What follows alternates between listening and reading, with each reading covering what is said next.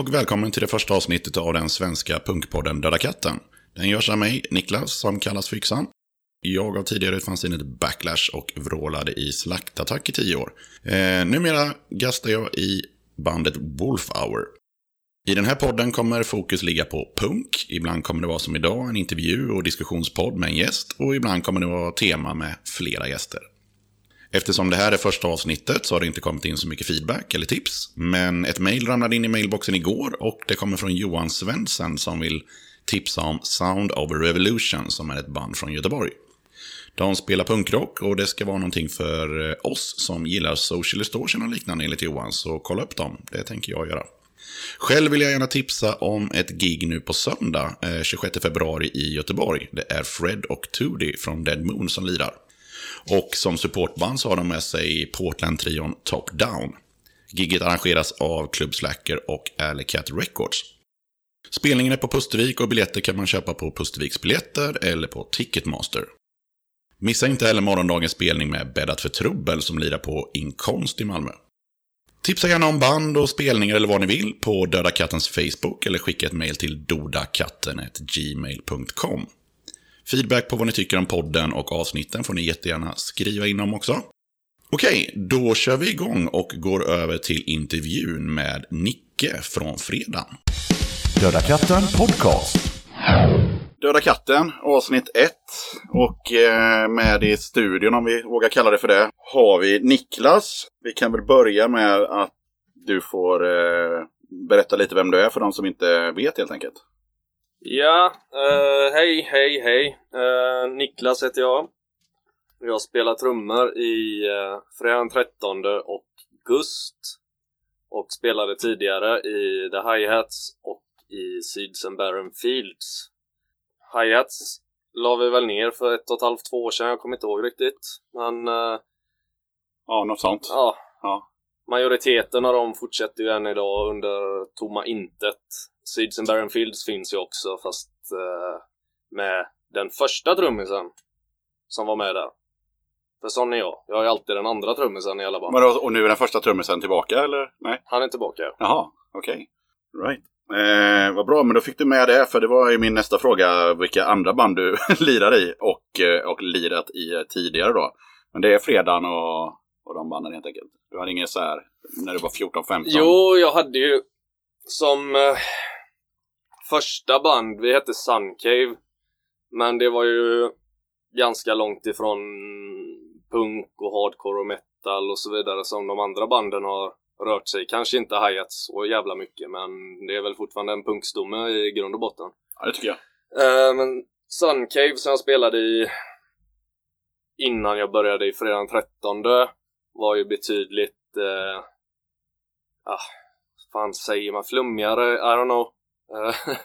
Det var inte lika rakt på. Vi lyssnade jävligt mycket på Tool och gamla Deftones.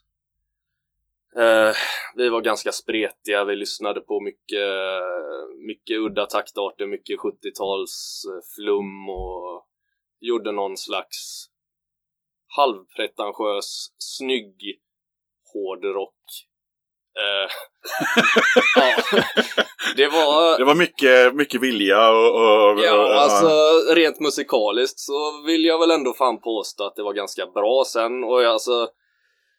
Det är ju ingen musik som eh, tilltalar mig allt för mycket idag men det är ingenting, absolut ingenting jag skäms över på så sätt. Nej. Verkligen inte. Jo, eh, en grej här. Eh, ska vi se, då, då är vi klara med banden. Eh, jo, du har ju tagit tjänstledigt för att gigga röven av dig. Eh, hur ser de planerna ut? Ja, alltså det... Gigga röven av mig är nog lite att överdriva, men eh, eh, med tanke på att jag ska turnera mer än vad jag någonsin har gjort i alla fall i år med både fredagen och med Gust så kände jag att jag kommer inte eh, stå ut med att dessutom gå tillbaka till ett vanligt heltidskneg kring det här. Eh, så även om jag kanske kommer vara hemma och inte göra någonting nästan hela juni, halva augusti, då sitter jag hellre och gör ingenting än att springa in och jobba för att sen åka ut igen. För att vara ute och spela är ju motsatsen till vår semester. Man är ju bra mycket trasigare när man kommer hem från en turné än ett halvår på kneget liksom. Men hade det ens gått om du hade liksom eh, eh, använt semesterdagar för att få ihop de här speldatumen liksom? Nej, alltså jag tror att gigmässigt, jag vet inte precis nu, men jag tror vi börjar närma oss en 70 datum. Mhm. Eh, till oktober, eller mellan april och oktober. Så det är ganska intensivt. Ja, ja då, då hade det inte funkat. All right. ja, ja, men det ska bli kul i alla fall. Det kommer det bli. Ja. Och det kommer vara helt färdigt till hösten sen. Eh, ja, det får nog inte bli eh, det vanliga levernet när man är ute i 8-10 dagar, när man ändå vill och orkar ha eh, fest mer eller mindre varenda kväll. Det går ju inte. Nej. Det kommer vara en fysisk och en psykisk omöjlighet, så det man får ju tagga ner. Och så får man kanske så välja, ja, vad det nu heter, pick. Sina strider. Sina strider, ja. Så att typ den här giget, då känner jag att här kan jag festa lite efteråt. Men eh, sen har vi 150 mil åka, då kanske jag inte vill ligga och dö i bilen. Nej. Ja, du var inne på det lite innan där med, med första bandet och sådär, men eh, när kom du in på, på det här med punk? Eller, eller, eller tyckte du att du ens var inne på punk? Du kanske tyckte att du spelade hårdrock? Eller ja, jag har ingen aning. Det, eh, I mitt första band så var det nog hela tiden ett litet krig om vad vi skulle spela och jag tror det var därför vi Alltså även om vi med handen på hjärtat copycattade jävligt mycket av Deftones och Tool som vi tyckte var de bästa banden när vi var 14-15 så eh, tror jag att vi eh, hamnade i någon konstig jävla mittemellanzon där alla var lite nöjda men ingen någonsin nöjd för att alla ville spela olika saker. Så alla gick med på varandras kompromisser lite, Lite för att få göra Vi, sin vi hade en gitarrist som var en sju helvetes jävla skicklig gitarrist som är eh, Albert of Ekenstam heter han. Han håller på med soloprojekt idag, lite singer-songwriter klassisk eh, singer-songwriter-rock kan man väl nog kalla det. Men när eh, vi lärde känna varandra och när vi spelade så var ju han jävligt insnöad på jazz och sådana grejer. Och då ville han ju ta in den delen. Och sen hade vi en basist som eh, mestadels lyssnade på metal. Det var mycket döds, men det var mycket melodiska grejer i stil med Maiden och sådär. Och så var det jag som vid 14 års ålder var hänförd av eh, ja, NoFX, alltså det var amerikansk punk och sen svensk punk och sen blev det hårdare, det blev gick från skatepunk in mer och mer på eh, hardcore och då ville jag spela sånt. Mm. Och så ja, alla, alla ville något lite olika, så jag ville väl alltid driva det till ett hardcoreband men eh, fick inte riktigt det.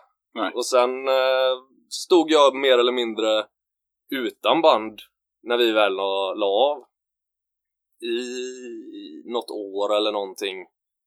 Och så bild, ja, 2006 bildades ju Fredagen, men då hade jag ju inte spelat trummor på eh, ett år stoppar ju inte som jag sa där först, utan jag hade nog inte spelat trummor på två, tre år. Åh, fy fan. Eh, eller spelat hade jag säkert gjort, men jag hade inte varit med i något band. Vi försökte då och då starta upp, jag och några folk, men det blev att man träffades en gång i månaden och jamma och kom ingenstans. Och... Men något band hade jag inte på säkert tre år. Eh, när Anders då, sångaren, första sångaren i Fredagen 13 frågade om jag ville testa på då för att Johannes skulle flytta hem till sina värmländska skogar. Den första trummisen. Så jag sa ja, visst.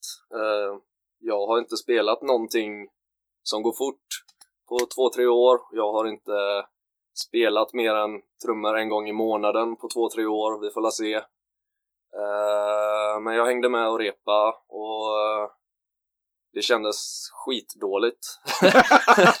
Eh, jag kunde inte hantera en D-takt för fem öre. Eh, det gick helt åt helvete faktiskt, men eh, jag tror att eh, på grund av att alla de andra i fredagen var ungefär två timmar sena till det här repet och var bakfulla som tandtroll så eh, var nog inte deras sinnen så jävla skarpa att de upptäckte hur jävla svajig jag var. Så jag fick komma och spela igen och sen, eh, sen blev jag kvar. Mm. Döda katten podcast. Jag passar på att hoppa in här lite snabbt för att berätta att du har möjlighet att stötta Döda katten om du tycker att det jag gör är bra och att du vill höra fler avsnitt. Döda katten sträcker ut en hand för att få hjälp med att fortsätta leverera avsnitt om punk och alternativscenen med regelbundenhet. Att driva Döda katten podcast medför kostnader i form av ljudhotellshyra, porto, teknik, domännamn, program, inköp av merch, resor och en hel del annat. Om du vill hjälpa podden ekonomiskt så är det ovärderligt. Det hjälper mig att driva podcasten men även utveckla innehållet, dels gällande gäster men även ljudkvalitetmässigt. Du måste absolut inte vara en Patreon för att kunna lyssna på podden. Döda katten kommer alltid att vara gratis för dig som lyssnar. Men om du kan tänka dig att månadsvis bidra med några kronor så kommer ditt stöd verkligen att uppskattas. Jag gör inte podden för att tjäna pengar. Jag gör det för kärleken till punken, för alla möten med härliga människor och framförallt för er som lyssnar. Eran feedback är den största anledningen till att jag fortsätter. Kika gärna in på patreon.com dodakatten. Länkar till kattens Patreon-sida hittar du på Döda Kattens Instagram, Facebook, Twitter och eh, på dödakatten.se. Jag vet inte riktigt om det var svaret på frågan, men det var um, ändå en bra utläggning. Men eh, Vad var frågan? egentligen var frågan så här, hur kom du in på det där med punk? Mm. Alltså, Jag personligen? du personligen ja. Jaha. Började lyssna på punk, eh, blev intresserad och så. det var gamla... Det var gamla skateboardtidningar. Ah. Och gamla skateboardfilmer och snowboardfilmer. Jag minns inte vad som kan ha varit det första, men vad jag minns från en snowboardfilm första gången jag hörde Sick of All i alla fall. Det var väl den första som jag minns, alltså bandet. Sen att det var mm, helvetes massa bra band, men nu kommer jag inte ihåg exakt vilket och vilka i, i kronologisk ordning, men eh, eh, det var genom skate och snowboard eh, svängen liksom. Mm. Var de här liksom eh, ja, VHS-erna som man beställde från USA och så eller? Ja, men 4-on-1-kassetterna, man köpte dem, jag köpte dem på One-Off. Ja. Och så var det mycket, man kopierade varandras VHS-er och någon polares storebrorsa hade en massa grymma snowboardfilmer tyckte man och så så både där eller det, det var ju genom eh, det som jag upptäckte både jävligt mycket metal och eh, punk och hardcore eh, överlag. Lika mycket som att man läste om band man aldrig hört talas om. Och så då var man ju tvungen att åka in till stan och gå in i skivaffärerna och bläddra fram dem och provlyssna dem och så, och jävlar, det var ju grymt. Så det var ju tack vare skateboard och snowboard. Och en sväng, alltså min syrra är fem år äldre än mig, det kom la lite tidig punk där. Hon har väl aldrig varit särskilt insnöad så i i punkscenen alls egentligen men eh, det var väl ändå genom henne jag fick höra Ebba Grön och sådär Mm. och Dia Salma och dem för första gången liksom. ja, så det blev lite mischmasch av eh, ja, vanlig svensk punk och, och eh, ja, eh, skatepunk och den eh, Ja, det för, de första var ju säkert de svenska Ja, har jag för mig. Men sen var det ju eh, Alltså det var ju så jävla många band som dök upp samtidigt och när jag var i 13, 14, 15 års åldern då kom det ju hur mycket som helst från svenska band och sådär på samma gång. Och alla de, alltså kollar man på gamla VHS-kassetter från snowboardfilmer så är ju fan Fast är amerikanska filmer så är ju två tredjedelar var ju svenska band. mm. Men stod, stod det vilka band som var med eller fick Ja. man... Eh, Ja, inte, ja, inte nödvändigtvis eller hade man kunnat liksom döda stod... för Shazam på den tiden kanske? Det var inte, inte liksom så här nödvändigtvis att det dök upp eh, Alltså i, på rutan. Nej. Men det stod ju på konvoluten om inte annat. Ja, och så okej. fick man eh, Lista nosa fram det liksom. Om vi går till 2017, vad lyssnar du på eh, nu för tiden? Mest i lurarna? Stereo? Ja, det är väl mer metal än punk. Även om jag självklart lyssnar eh, mycket på punk så är det nog mer döds och döds och black som spisas. Mm. Sen har jag alltid också tack vare skategrejen gissar jag haft ett, en svag punkt för 90-tals eh, hiphop. Sen alltså vad fan, jag älskar ju 70-talssväng och jag lyssnar på allt som är bra höll jag på att säga. Det är så jävla tråkigt att säga men det är faktiskt sant. Men om man, om man, tar, eh, om man tar Fredan då som, eh, som ett band som du har varit med i eh, ganska länge. Vad, eh, för det är väl också en ganska bred palett. Alltså på, Mm. på vad, vad gubbarna där lyssnar på och gillar. Och så ska ni mötas i något slags smält degel där med, med D-takt i, i botten åtminstone. Ja, visst blir det så. Visst, absolut. Det, det, alltså vi har ju all, all, allting vi, vi spelar är ju en färgning av vad vi alla också lyssnar på liksom. Sen har väl alla sin egen lilla nisch som man tycker är bättre än den andra. Jakob lyssnar ju onekligen mycket mer på liksom garage och eh, soul 60s, alltså sånt som är kanske Längst från Fredagen. Ja, men som ändå hörs jävligt mycket i gitarrer och, och kanske även i låtuppbyggnad och sådär liksom. Han tillför ju mest av den rock rock'n'rolliga delen liksom. Han står för svänget helt enkelt. Ja. Ja. Stoffe har ju... Stoffe älskar ju... Han är väl den som är mest koncis D-taktsälskare i grund och botten av oss, skulle jag tro i alla fall. Även om han är lika insnöad på Black och Döds som jag, och som Jakob också är för den delen liksom. Alltså alla, vi alla gillar samma grejer fast lite olika mycket. Frågan är om alla gillar 90-tals hiphop i och för sig. Nej, det är väl jag och G då. Ja, okej. Eh, men ja, alltså vi, vi talar olika influenser men eh, i grund och botten så är det ju ett mishmash mischmasch av bredbent jävla rock med hardcore såklart och D-takt och eh, jag tycker väl personligen tycker jag mig höra mer och mer av döds och blackslingor för varje ja, i alla fall per skiva vi släpper så tycker jag vi har tagit in mer och mer av, av det. Ja, alltså det är, det är stor skillnad om man, om man spelar upp skivorna direkt efter varandra så, så hör man ju, det är, det är mera det är, mera, det är fortfarande sväng och finess på, på första plattan men den är ju rakare liksom. Den är ju, kan jag tycka, så den har ju, ja det är mera black på nästa platta, tycker Mm. jag. Eh, vi återkommer till det eh, och bryter av helt och tar eh, frågan om eh, vilka svenska band, oavsett genre, som du lyssnar mest på? Eh,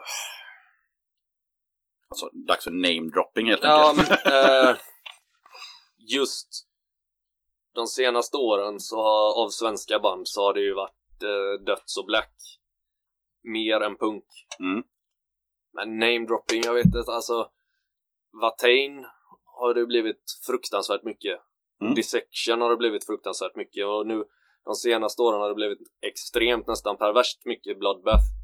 Eh, eh, men eh, Fan, vi har ju så jävla mycket bra musik från det här landet så det är skitsvårt att namedroppa, alltså både metal och punk. Det finns ju för mycket att, att ta upp liksom. Det, då får man sitta i timmar om man ska det är göra ju- det rättvisa. Det är ju en svår fråga, för det är lite som om du eh, är är på fest eh, och någon ber dig sätta på något bra. Mm, Och så, har- så har du Spotify med en miljon, eh, alltså sätt på något bra nu. Ja, det, då svänger vi vidare. Då är det en fråga här. Hängde du mycket med Miriam Bryant när du växte upp i Utby? Nej, jag visste inte vem hon var förrän eh, några månader sedan. Mm. Jag tror hon är ganska många år yngre än mig också. Jag kollade faktiskt upp det. Hon är 25, hon är 91. Så Mm. att, ja. Eh, Men eh, det var bara en is in på eh, faktiskt hur, hur, hur var det att växa upp i Utby. Och för de som då inte kommer från Göteborg så kan du berätta vad Utby är för någonting då. Uh, Utby är en uh, stadsdel, en del av Kortedala. Villaförort kan man väl kalla det. Uh, inklämt mellan uh, Gamlestan, Partille och Bergsjön. Ja, just det. Eh, och ja, hur var det att växa upp? Det var... Det var det, det är en bra stadsdel, eller var åtminstone, jag vet inte hur det är nu, men eh, det var ju som barn var det ju fan helt suveränt med fotbollsplaner och ängar och eh, berg och klättra i liksom. Pittoreskt värre. Ja. Mm. Sen eh, ton, som tonåring så är det väl som det alltid blir. Att det blir jävligt tråkigt och inga fritidsgårdar fanns och det enda man kunde göra var att eh, vara med i en fotbollsklubb eller eh, supa. Mm. Alltså, det är väl så det har varit nästan för alla, antar jag. Ja, alltså det, är det. det blir ju Eh. ingen skillnad om, om man som jag kommer från en liten, liten by som då inte är en förort. Men resultatet blir ju densamma. Att är du inte med i fotbollsklubben så ja, då är det supa. Det är, och, och sitta på en buss till närmaste stad. Och, ja, I ditt fall blir det väl sitta på någon eh, buss in till Göteborg helt enkelt. Ja, alltså jag vill inte generalisera ut hur folk är eller blir, men när vi låg inklämt mellan eh, Partille och Bergsjön Gamlestan så tror jag jävligt många fick ganska mycket av en ide- identitetskris.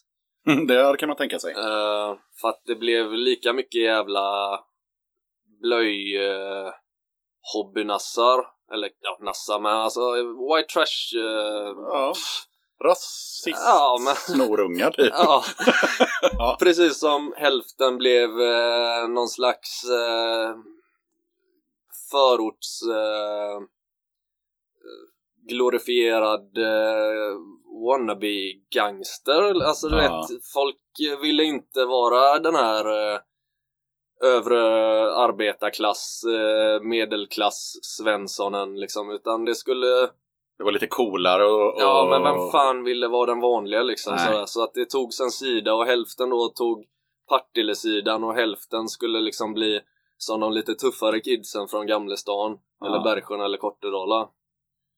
Så det är... Då är ju frågan, vilken, vilken grabb blev, eh, blev Nicke då? Ja, Nicke hamnade ju eh, på sin egen räls Ja. helt och hållet. Jag kan nog säga att de första två, tre åren som jag åkte skateboard så var jag nog fan ensam i nordöstra Göteborg. Åh fy fan. Och eh, det... Jag hade absolut inga problem liksom. Med att jag var någon kufig jävla skatare. Men jag var ju den enda snubben som gick med brallorna nere och för stora hoods. Och en bräda med mig överallt. Men det var inte så att folk var på mig eller någonting och detta var ju den jävla eran när det var som allra allra värst. Alltså man, det stod i tidningen hela tiden om eh, folk blev rånade för att de hade skateboards och det var, det var Oj. ett drev och ett hat mot skatare. Eh, det har inte du hört? Nej, nej. Eh, när var det här liksom i år? Eh, tal, Det cirka? var ju alltså då typ 97, 98. Okej, ja, jag bodde ju, hade jag precis flyttat till Göteborg då, men eh, ja, jag bodde ju vid, vid Järntorget och bara var ute och söp. Så att jag eh, märkte ingenting av skatare. Möjligtvis någon som åkte på långbord nerför Ljungmansgatan kanske. Ja, Jag tror inte det var, eller så det var ju innefattande för hela stan, men det kanske inte blev lika påtagligt eh, inne i stan. Alltså, eller vad sa du att du bodde? Järntorget typ, alltså Nordostpassagen. Eh, Ja. Ja, så jag ja. rörde mig bara runt eh, Nordostpassagen bort till eh, ja, kompaniet. Typ, Ja. max. Nej men vad jag fick göra var ju att åka till Galaxen i Majorna Mm. och åka bräda. Eh, och där lärde man ju känna annat folk. Så jag, som sagt, jag hade absolut inga problem med att växa upp eh, bara för att jag inte hade samma intressen som de andra i Utby och Gamlestan. Men eh, Du fick ta dig till Majorna för att ha lite gött häng helt och enkelt. sen satte de igång och började bygga i Bunkerberget, den skate, eh, stora jävla skate eh. Ja, I Gamlestan? Ja. Eller Bellevue eller ja. Ja, så den var jag ju med och bygg, byggde från början också. Jaha. Som snorunge där. Men eh, nej, det var inga, inga konstigheter. Fast jag var den enda som ville åka bräda och den enda som lyssnade på konstig jävla hård musik och grejer. Mm. Men det gick bra. Eh, då går vi, det är fram och tillbaka. Nu är vi på nutid igen. Eh, alltså varför kallas du för Nicke Halvbärs? Gillar du bara halva ölen eller? Ja, ja, det är ju någon här mitt emot mig som hittar på den jävla lögnen. Okej. Ja, nej, det är det inte förresten. Det är den jävla jonk. Som många andra lögner som sprids så är det ju jonk. Mm. Eh, ja, jonk för de som inte vet är ju en eh, eh, Innan du fortsätter så ska jag bara berätta också att, att Jonk eh, kommer också vara med i den här podden i, i egenskap av, av vad han eh, har gjort och, och tillfört i, till, till, till punkscenen. mm, Eh, men... ehm, häng på honom en lögndetektor är ju- ja, Okej, du vet inte exakt när det hände helt enkelt utan han bara tyckte att det var bra. Jag kommer faktiskt ihåg det. Det var... Det var jag, nu hoppas jag inte jag glömmer någon här nu, men man är ju fan senil. Men det var jag, Jonk, eh, Anders Fågels, Tobias Dandar som var med i Hi-Hats och som nu är i Tomma Intet då. Och så Weberg. Fan, jag hoppas inte jag glömmer någon. Jag tror det var vi fem. Annars kan man alltid göra som Jonk och avs- avsluta historien med att eh, det också var en random snubbe med. Ja, För då har man täckt upp alla. Nej, jag tror, ja, nej, Nej. nu skäms jag fan ögonen nu men jag glömmer någon. Men jag tror det var vi fem. Som drog ner till Sardinien och bara hängde. Och eh, ja, det blir rätt tradigt att eh, hänga med snubbar som inte vill vara lugna någonsin. Okej, så du, du ville chilla och de ville bara dricka Nej bärs. men fan, om du sitter klockan 12 på dagen och ska äta en svingod pizza så behöver man kanske inte tömma i sig två, tre öl innan du får in pizzan. Det Nej. kan du göra om du tycker det är svingött. jag, ja, jag har ingenting emot bärs, men vilket Jonk nu kommer börja hävda när han har, när han har hört det här. Men eh, ja, jag hade en halv öl kvar när de andra beställer in eh, nya öl och sen på den vägen har det varit. Mm. Och sen har ju mitt namn här mitt emot mig utvecklat vidare där till eh, Droppen. droppen ja. Mm. Ja, det är intressant. Det blir lite väl internt här, men, eh, men eh, så kan det vara. Och då går vi över till en eh, helt annan fråga. Och ehm, den här frågan, innan jag ställer den, kan jag också nämna att eh, du kommer få vara med och besvara en gång till. Så det blir lite fusk för din del. För jag ska ha ett ett trummisavsnitt. Och då kommer det vara åtminstone du och två gubbar till, kanske tre. Vi får se hur vi löser det rent tekniskt. Men det ska vara trummisavsnitt i alla fall. Och en av frågorna där är ju då det här med D-takt. Det finns mycket åsikter om det. Hur ska man spela D-takt och liksom varför ska man spela det på just det sättet? Och det här kommer du få sitta och battla med ett, an- ett antal andra trummisar som också spelar D-takt. Okej. Men du får lite för, förtur att svara på frågan redan idag. Jag vet inte hur jag ska svara. Hur svarar man på det? Eller vad? Men hur tycker du personligen att man ska lira D-takt? Man kan ju, det finns ju många olika skolor liksom. Vad tycker du är snyggast? Vad tycker du låter bäst? Eller spelar du bara på ett visst sätt för du tycker det är skönast? Eller liksom vad... Eh, jag försöker nog tänka på vad gitarrer gör. Mm. Alltså man... eh, eh, det, så, så vitt jag förstår det så, alltså om vi nu ska vara helt jävla trummisbajnördiga här och bryta ner det till hur en D-takt ska vara enligt Discharge till exempel. Alltså, då tror jag väl att hi-hat eller cymbal då ska ligga på samma slag som baskagge. Ja. Inte ligga som raka fjärdedelar och mata utan de ska följa kaggen. Och sen ska virveln sticka in emellan. Det tror jag är den korrekta. Ja, och, och så, så tycker jag personligen att det låter bäst också. Men eh, sen är det många som tycker att nej, men man ska bara eh, liksom eh, ligga och köra, vad du nu sa, fyra, alltså he, ligga hela tiden så här. Och Mm. så blir det liksom ingen markering på baskaggen. Det, ja, Det beror på hur fort... den slarviga D-takten som jag kallar den för. När man Ja, bara... Eller medvetet att det ska bli mer...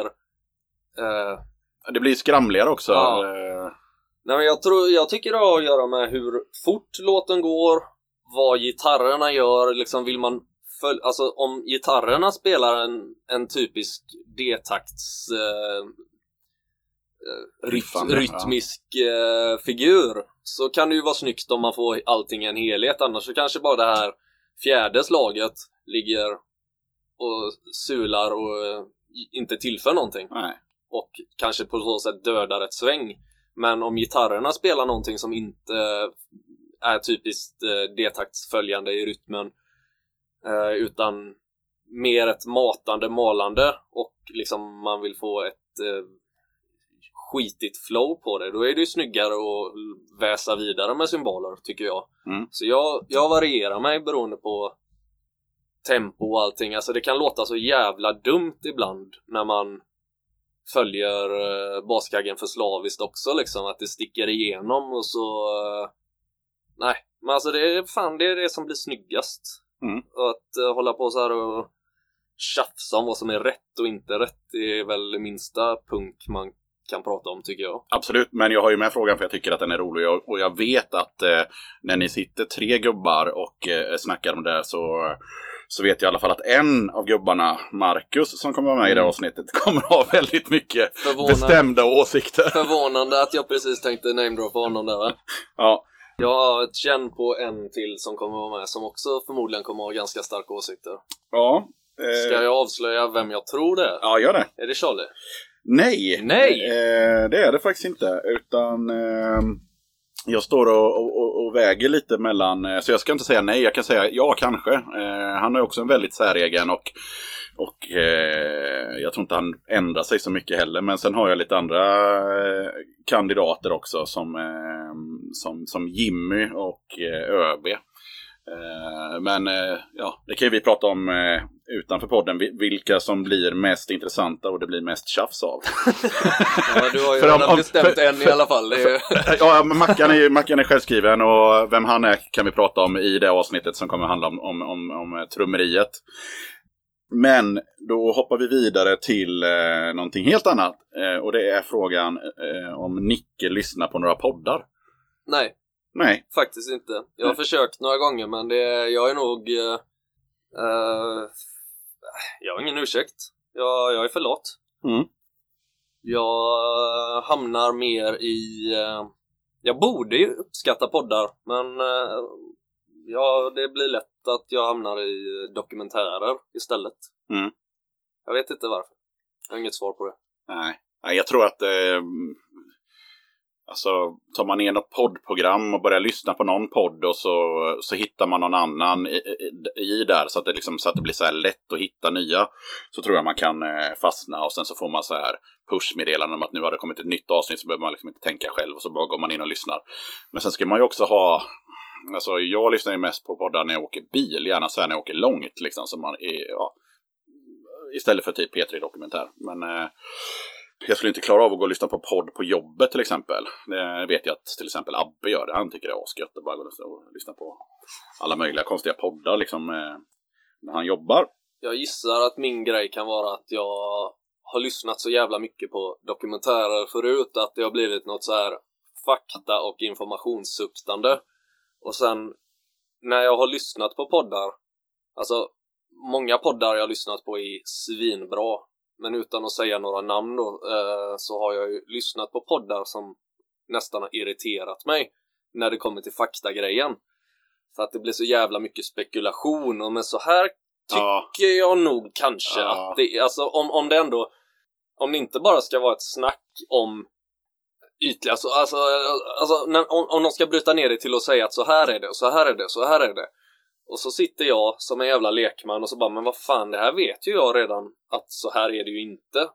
Och det har retat mig så jävla mycket att det kanske är därför jag, Alltså det finns ju... jag gav det en ärlig chans men tröttnade liksom. Det, det finns ju något anarkistiskt i, i, i, i poddar med tanke på att eh, alltså det enda man behöver göra är att och, och köpa en mick och, och skaffa, ett, eh, skaffa ett ljudhotell för några hundralappar och sen helt plötsligt så är man ute i, i, i eten för de som vill lyssna. Baksidan av den medaljen är ju givetvis att folk bara lägger upp lite vad som helst och, och, och kanske sitter och påstår som du säger, jag, jag ska inte heller nämna några namn, men jag har hört en del poddar där man inte, inte spekulerar utan faktiskt säger att så här är det. Mm, Eh, det är och- ganska vanligt. och då är det liksom rent faktafel. Alltså då är det ju det är som att sitta och, och, och dela bullshit-prylar på Facebook liksom utan att ha någon källkritik. Liksom. Så i så fall får man ju säga det i podden att det här är en bullshit-podd. Vi snackar lite om vad som helst och det är inte alls säkert att det stämmer. Så ni får ta det för vad det är. Då får man väl köpa det. Då är det lite gött kött bara. Men Det var precis det jag skulle säga också när jag nästan avbröt det där att eh, det blir att eh, någonting som är jävligt alldeles för vanligt numera att fakta är eh, tycke och Mm. fakta är magkänsla och fakta är att ja, men så här bör det vara. så här bör det, bör det hänga ihop. Ja och här blev det faktiskt en, en röd tråd. Eh, det var ju trevligt eh, med tanke på det här jag pratade om med, med fakta och dela, dela prylar på, på Facebook som jag är extremt restriktiv med eftersom jag inte orkar kolla upp om det stämmer. Och jag älskar ju när folk eh, som är mindre begåvade säger det spelar ingen roll om det stämmer, det är för jävligt ändå. och på tal om det så har vi ju SD i riksdagen och vi har Donald Trump som är president. Eh, så då är ju frågan, är det kört nu?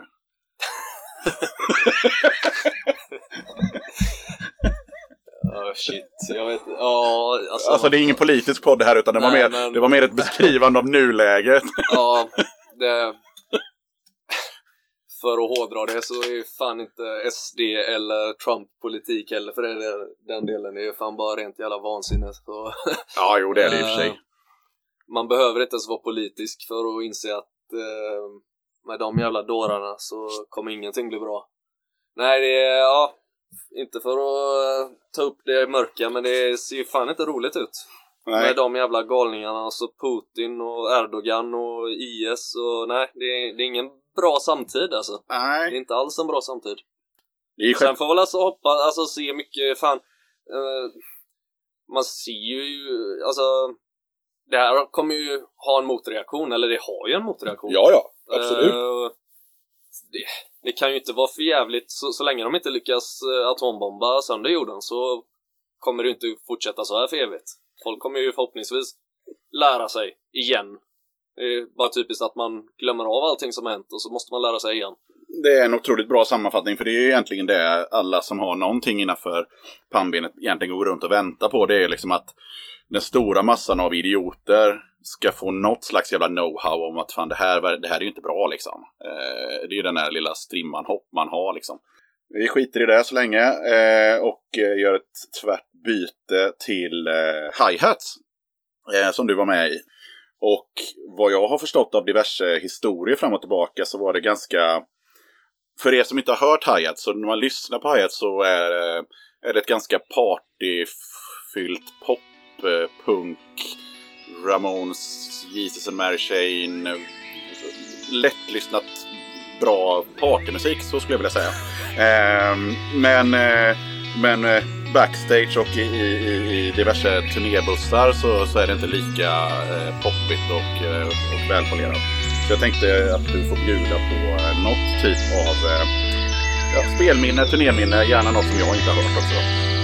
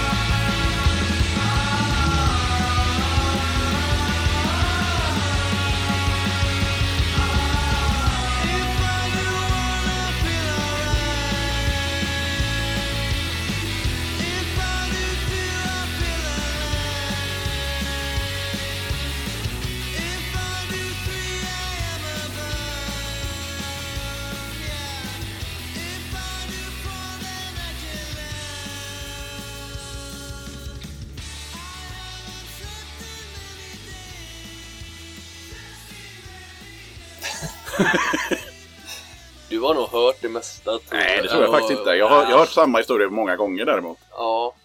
eh. Alltså det finns ju så jävla mycket om det här. Alltså Tobbe har ju satt sig ner och på allvar försökt börja skriva en bok. Mhm.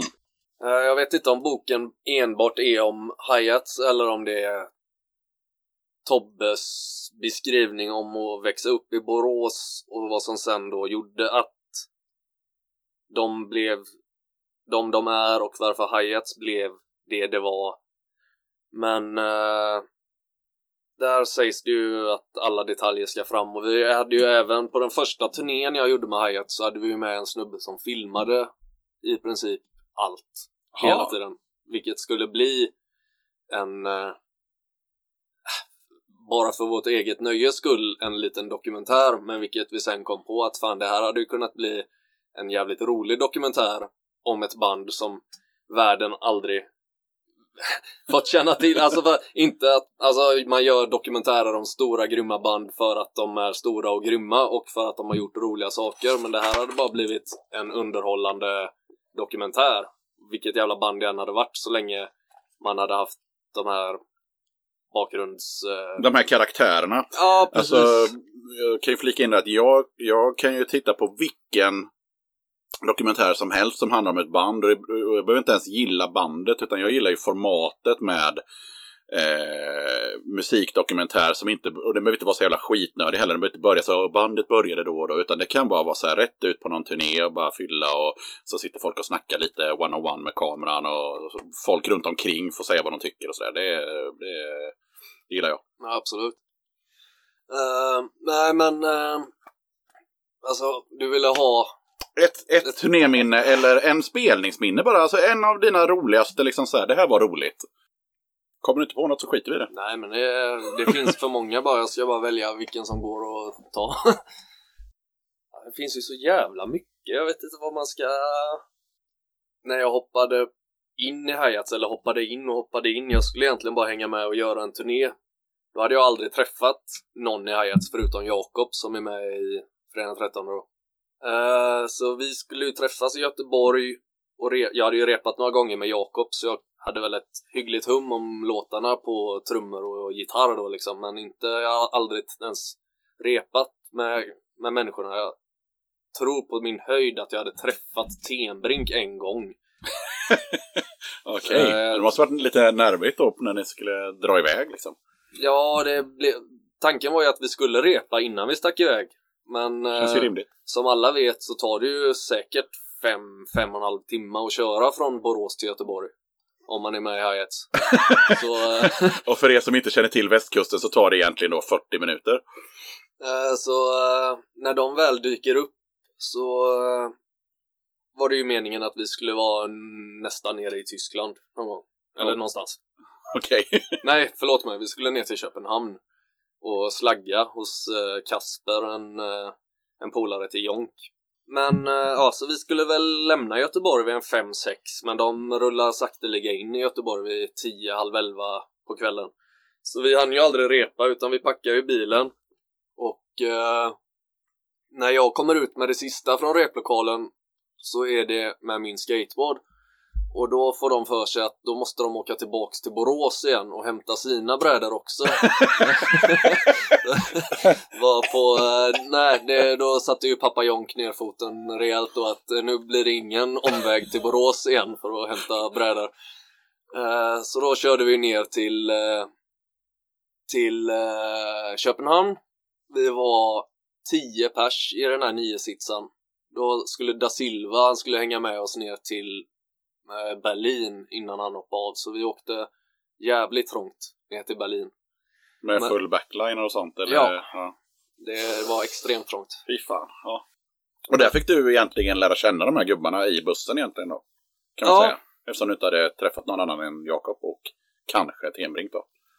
Ja, eh, utan att nämna något namn men eh, jag sätter mig i bilen och eh, presentera mig för samtidigt. Tenbrink kan man säga, han hade ju det var ju nära på att allting gick ännu mer åt helvete där som start för att han hade ju över 40 graders feber Aha. när vi stack iväg så han satt ju där och var, mådde ju inte alls bra och visste inte om det här skulle funka överhuvudtaget så men jag sa hej hej Tenbrink och det var väl knappt att han kände igen mig i sin feberdelirium men eh, där sitter vi och sen får man frågan ja vad gillar du för droger? Varpå man, ja men alltså, nej, nej. Uh, Öl är gott. Ja, hopp! Och så blev det jävligt pinsam tystnad i några mil. Och sen, vad gillar du för lag då? Och så kunde man börja snacka fotboll i alla fall. Men mm. uh, det var uh, en konstig icebreaker. Absolut, men också, det måste ju också varit lite sådär Ja, jag försöker tänka mig in, men man måste ändå varit lite märkligt att sitta i en buss med massa, inte massa, men med, med, med ett antal människor som du liksom ska om några dagar göra massa spelningar med och du liksom inte känner dem alls? Nej, men det gick fort. Okej, Det gick extremt fort. inget krångligt gäng när väl klar. extremt krångligt gäng. eh, de veligaste jävla människor jag har träffat i mitt liv, men eh, socialt är de ju eh, genier liksom. Ja, Det är ju världens bästa snubbar. ja, ja. Eh, men eh, fy fan vad, vad strul det är med allt. Hela, hela, hela, hela tiden. Och, eh, Men samtidigt som sagt, det är såna jävla underbara snubbar så man kan ju vara så jävla arg att man hatar allt och inte vill göra någonting till att eh, på två minuter har de vänt det liksom ja. med sina naturligt jävla underbara sidor. Eller alltså det är världens bästa snubbar, punkt slut.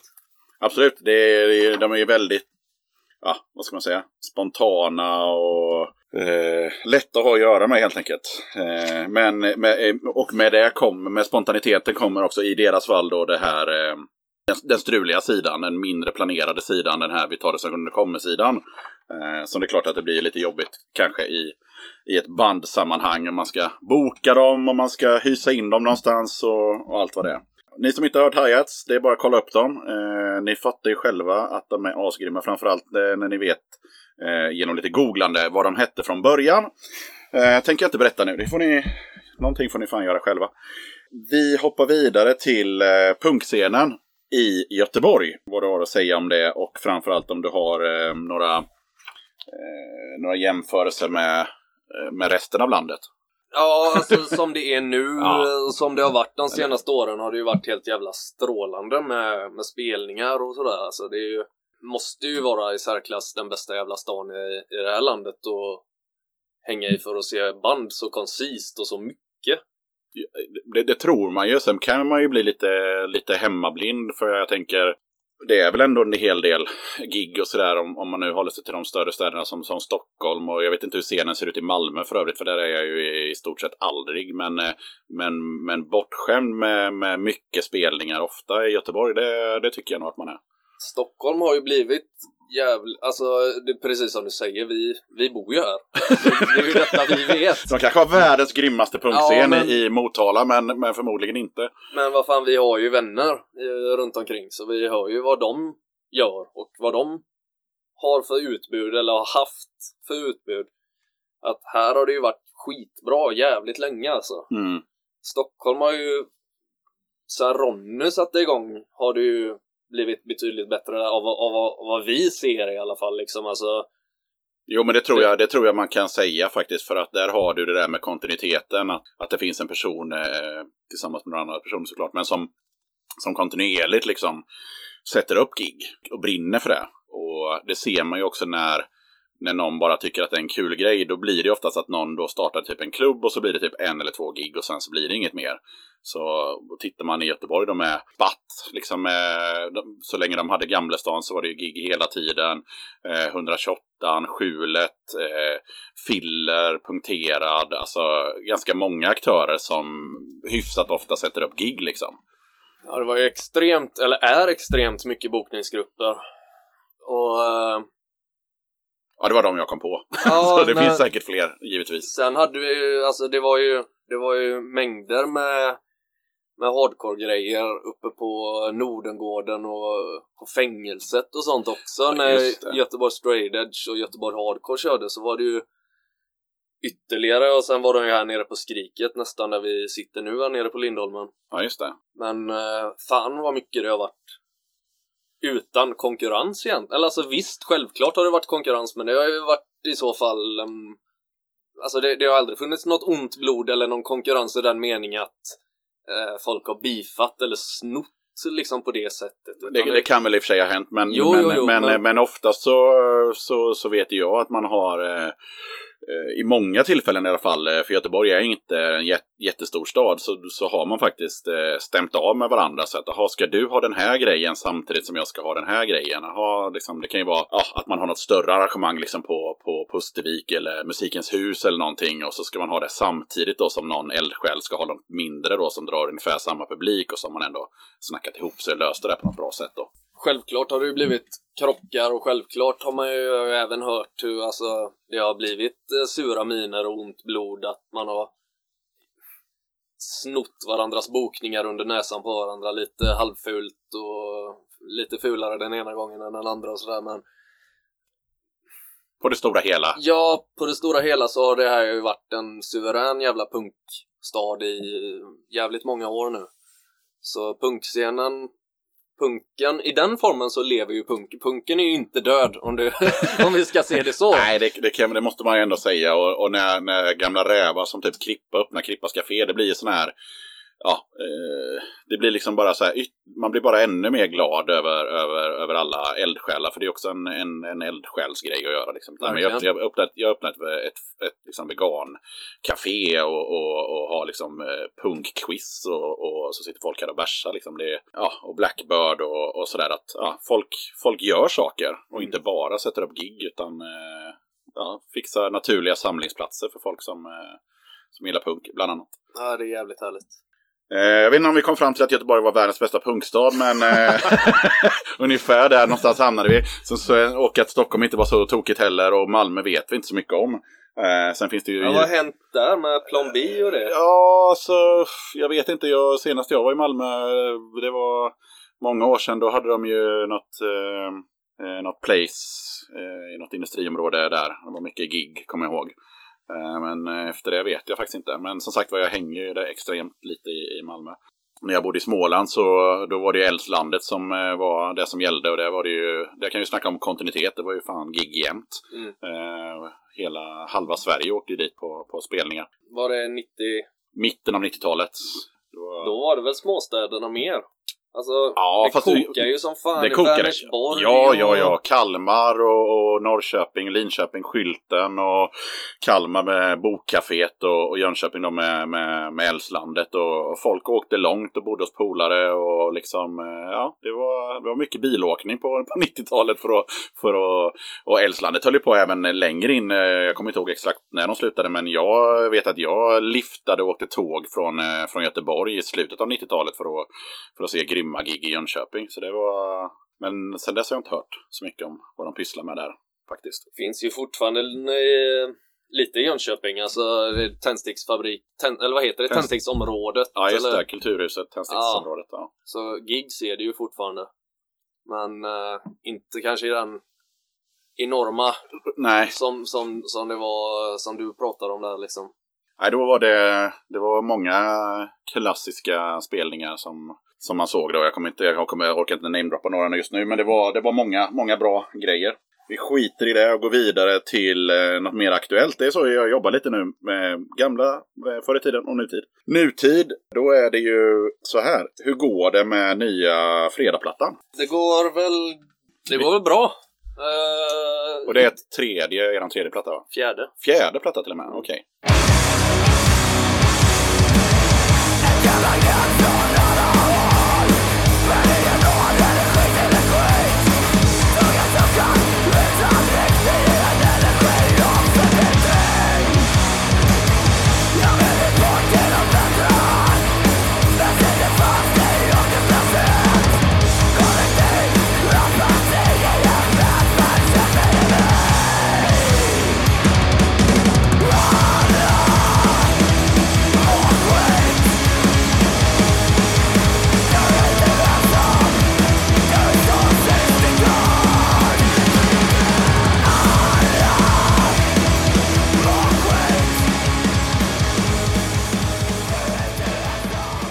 Det går bra i den bemärkelsen att vi börjar få ihop eh, och börjar bli ganska nöjda med våra låtar nu.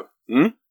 Men eh, vi är ju bakom vårt eget tidsschema ganska kraftigt om man säger så. Vi hade ju hoppats på att spela in i uh, februari, alltså nu, mm. skulle, skulle vi egentligen vara i studion så att den skulle vara mixad och kunna släppas till maj ungefär. All right.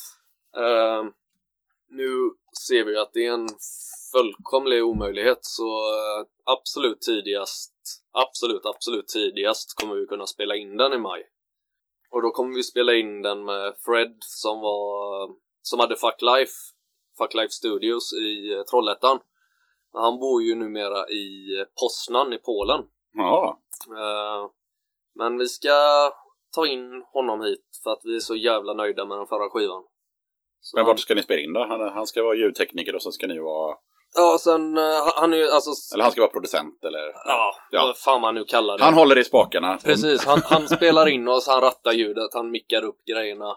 Han löser det. Eh, men eh, fysisk plats eh, vet vi inte. Nej, Men, okej. Så vi får rotera på det. Det kanske blir att vi lägger trummor i någon studio och gitarrer kanske vi fan får spela in i någon replokal eller hemma hos någon. Vi, vi får se vad vi kan vara och när vi kan vara alltså för att eh, han kanske inte heller har tid att och, och, och vara här i en vecka i sträck och sådär. Han, han har sitt plugg. Han har eh, han har ju sitt band, äh, eh, City Keys som han spelar i nu då. Eh, som han spelar gitarr i. Han spelade ju trummor i Gust förut som jag nu då som alltid nummer två. eh, nej men så han, han, är ju, han är ju upptagen som fan själv såklart liksom. Så vi kan ju inte eh, hålla på och chansa för mycket heller utan vi måste spela, spela eller eh, repa mer så att vi känner att nu, nu vågar vi gå in och spela in det här så att det inte drar ut på tiden och så vi får hålla på en alldeles för länge. Det, kommer inte funka så vi måste göra färdigt våra låtar ordentligt innan vi, innan vi spikar någonting. Men då, vi får se om vi kan hyra in oss någonstans. eh, Ja, du tipsade om att vi kanske kunde hyra in oss i studion där Krea huserar till exempel. Ja, Alltså det, det, vi, vi får se. Vi får Det- se vad han eh, tycker och tänker också. Han kanske tycker att vår replokal duger alldeles utmärkt att använda som studierum. Vem vet? Så kan, kan, vi, kan vi då använda den så gör vi ju såklart det liksom. ja, ja, alltså det finns ju många, du känner ju många så det, där löser sig. Eh, men eh, okej, fjärde plattan, då måste jag ha missat en skiva. Alltså vilken är den första? Uh, under iskalla fanor, en brun. Ja, den har jag. Och så 2013, Den en svart. Och så domedagar, den senaste. Ah, det är den jag inte har. Har du inte den? Nej, jag har två fredagsskivor. Ja. Slarvigt. Slarvigt, slarvigt. Just det. Eh, Hur är det att bo i Göteborg? Vi var inne på det här med hur det var att växa upp i Utby och nu har vi också pratat om punkscenen i Göteborg. Hur är det rent allmänt att bo i Göteborg? Blött. Blött? Blött och kallt och blåsigt. Det är inget du skulle rekommendera till någon? Jo, Alltså, utöver eh, det rent fysiska klimatet så jo. jag, brukar, jag brukar säga när folk frågar mig som inte är härifrån hur är det att bo i Göteborg? Jag brukar säga det är som att bo i en, ja, i en liten småstad. Det tar inte så många år innan du eh, känner i stort sett alla. Även att det bor en miljon människor i kommunen så framförallt om du då är i, i eh, någon typ av scen så är det ju ungefär, inte vet jag, 100 pers eller något sånt där och de, de vet ju ungefär vilka de är.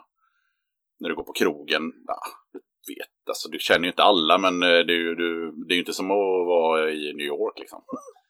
Nej, men i New York bor det lika många som det bor i hela det här landet så... eh, Nej, jag ser inte det som någon nackdel alltså men eh, nej, nej, man men är både anonym men ändå, men Ja. ändå samtidigt så här så blir man ju ständigt eh, förvånad över eh, nya band som helt plötsligt dyker upp och när man tror att så här, men då det måste ju vara inavlat som allt annat. Men nej. nej. Och så bara som nu när, när vi gick in till här när ni, där ni har eran repa med Wolfhour så eh, hur helvetes mycket replokaler det var här. ja. Ja, det var ju något eh, där längre bort i korridoren, alltså drone metal som malde på, som lät svingött tyckte jag. ja, absolut. absolut. Eh, vilka fan är de? Ingen aning. Nej. Nej. Så det finns. Ja, det gör det. Det gör det absolut. Det gör det absolut. Okej, men då kan vi i alla fall säga att det är, det är half decent att bo i Göteborg om det är någon som funderar på att flytta hit. Men, eh, och på det temat med vart man bor någonstans så har jag en personlig fråga här till, eh, till dagens gäst, Nicke. Och det är, du vill ju bo i en bergsby i Grekland utan grannar. Kan du berätta lite om den här eremitdrömmen? Mm, vore det inte svingött? Nej. Jag fattar inte vad det inte som vore så jävla svingött med det. Okej, om vi säger så här, vad, vad skulle du göra i den här bergsbyn? Nej, ja, det är ingen bergsby, det är bara Nej. mitt hus. Jaha, uppe på okej. berget. Ja, okej. Ja. Jag Eh, såg en sån stenig, du vet så här, stenig eh, grekisk by, du vet, utan någon som helst växtlighet och bara så här jätter och stenar och, och sand. Och så Jaha. ditt hus och där sitter du helt själv. Ja, men det låter ju deppigt såklart. Ja. Det låter ju som man är i eh, fan Atlasbergen eller någonting. Mm. Nej, men eh, fan.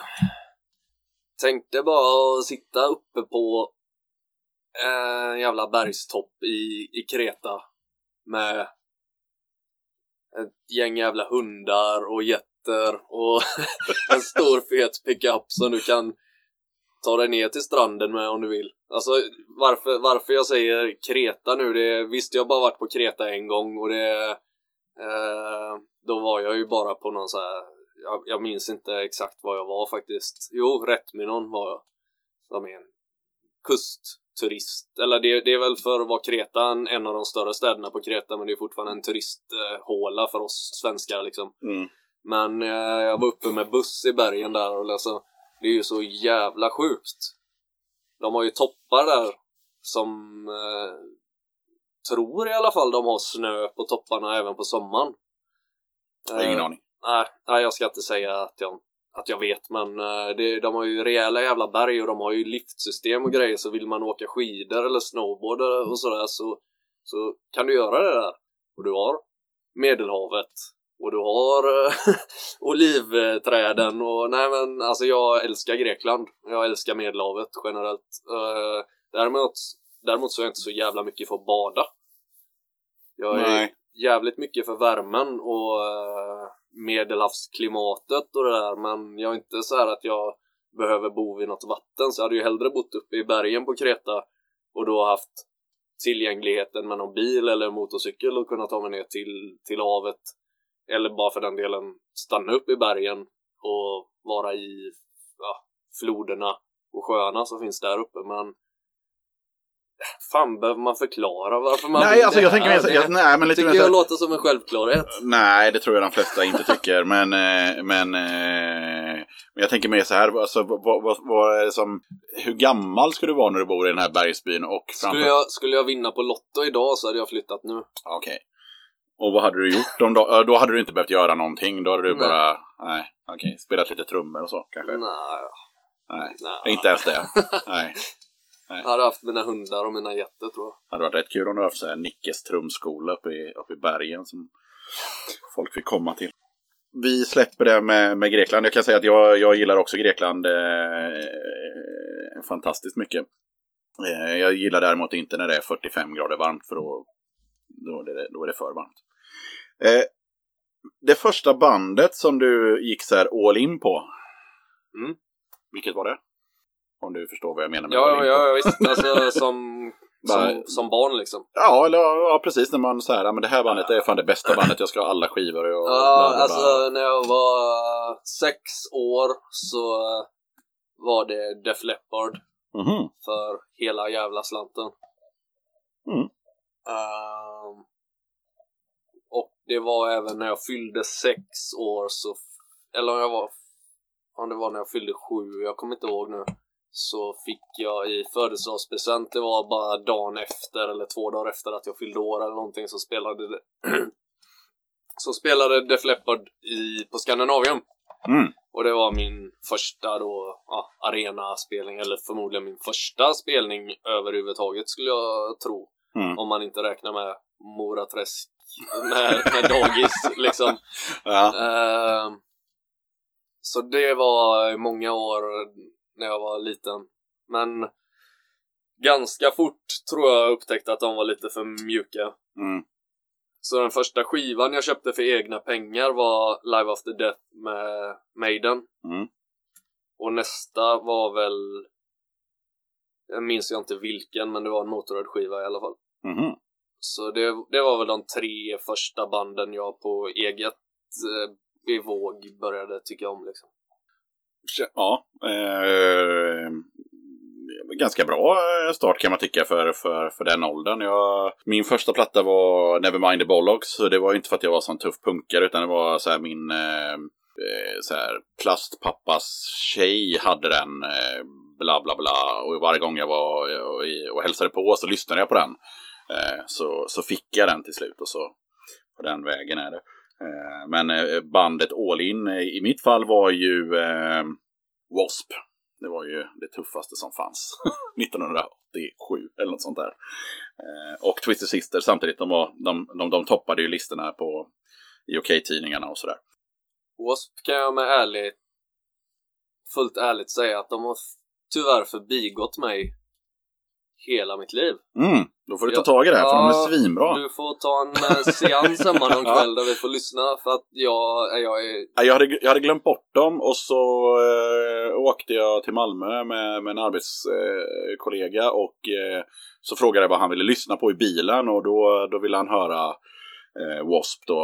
Eh, och eh, det var så sjukt att eh, nästan 20 år senare höra den här plattan igen. Eh, vi körde den liksom från början till slut och bara så här, fan det är ju, det är ju bra det här liksom. Vilken Eh. platta var det? Eh, Fuck Like a Beast, jag vet inte om den heter så.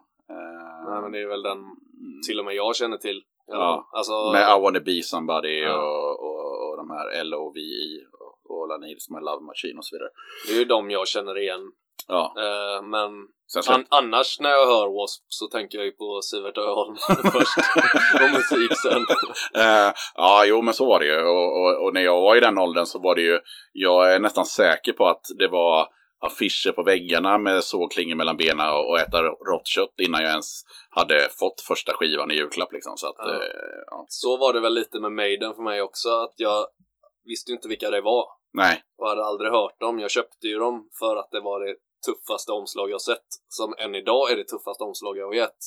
När Eddie kommer upp ur en grav och får en blixt i huvudet. Mm.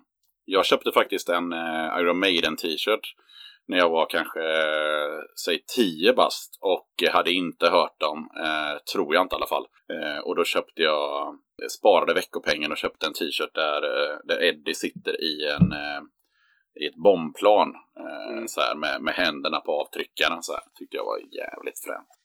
Eh, sen kan jag ju säga att jag delar ju inte fascinationen över Maiden. Jag, eh, det här galopptrummandet, nej, det går så jävla bort så det finns Nej, det inte. är fantastiskt. Eh, Men eh, jag, jag respekterar att folk, eh, folk gillar det och jag, och jag respekterar bandet också som bara fortsätter trots att de är typ stroke-skadade och så vidare.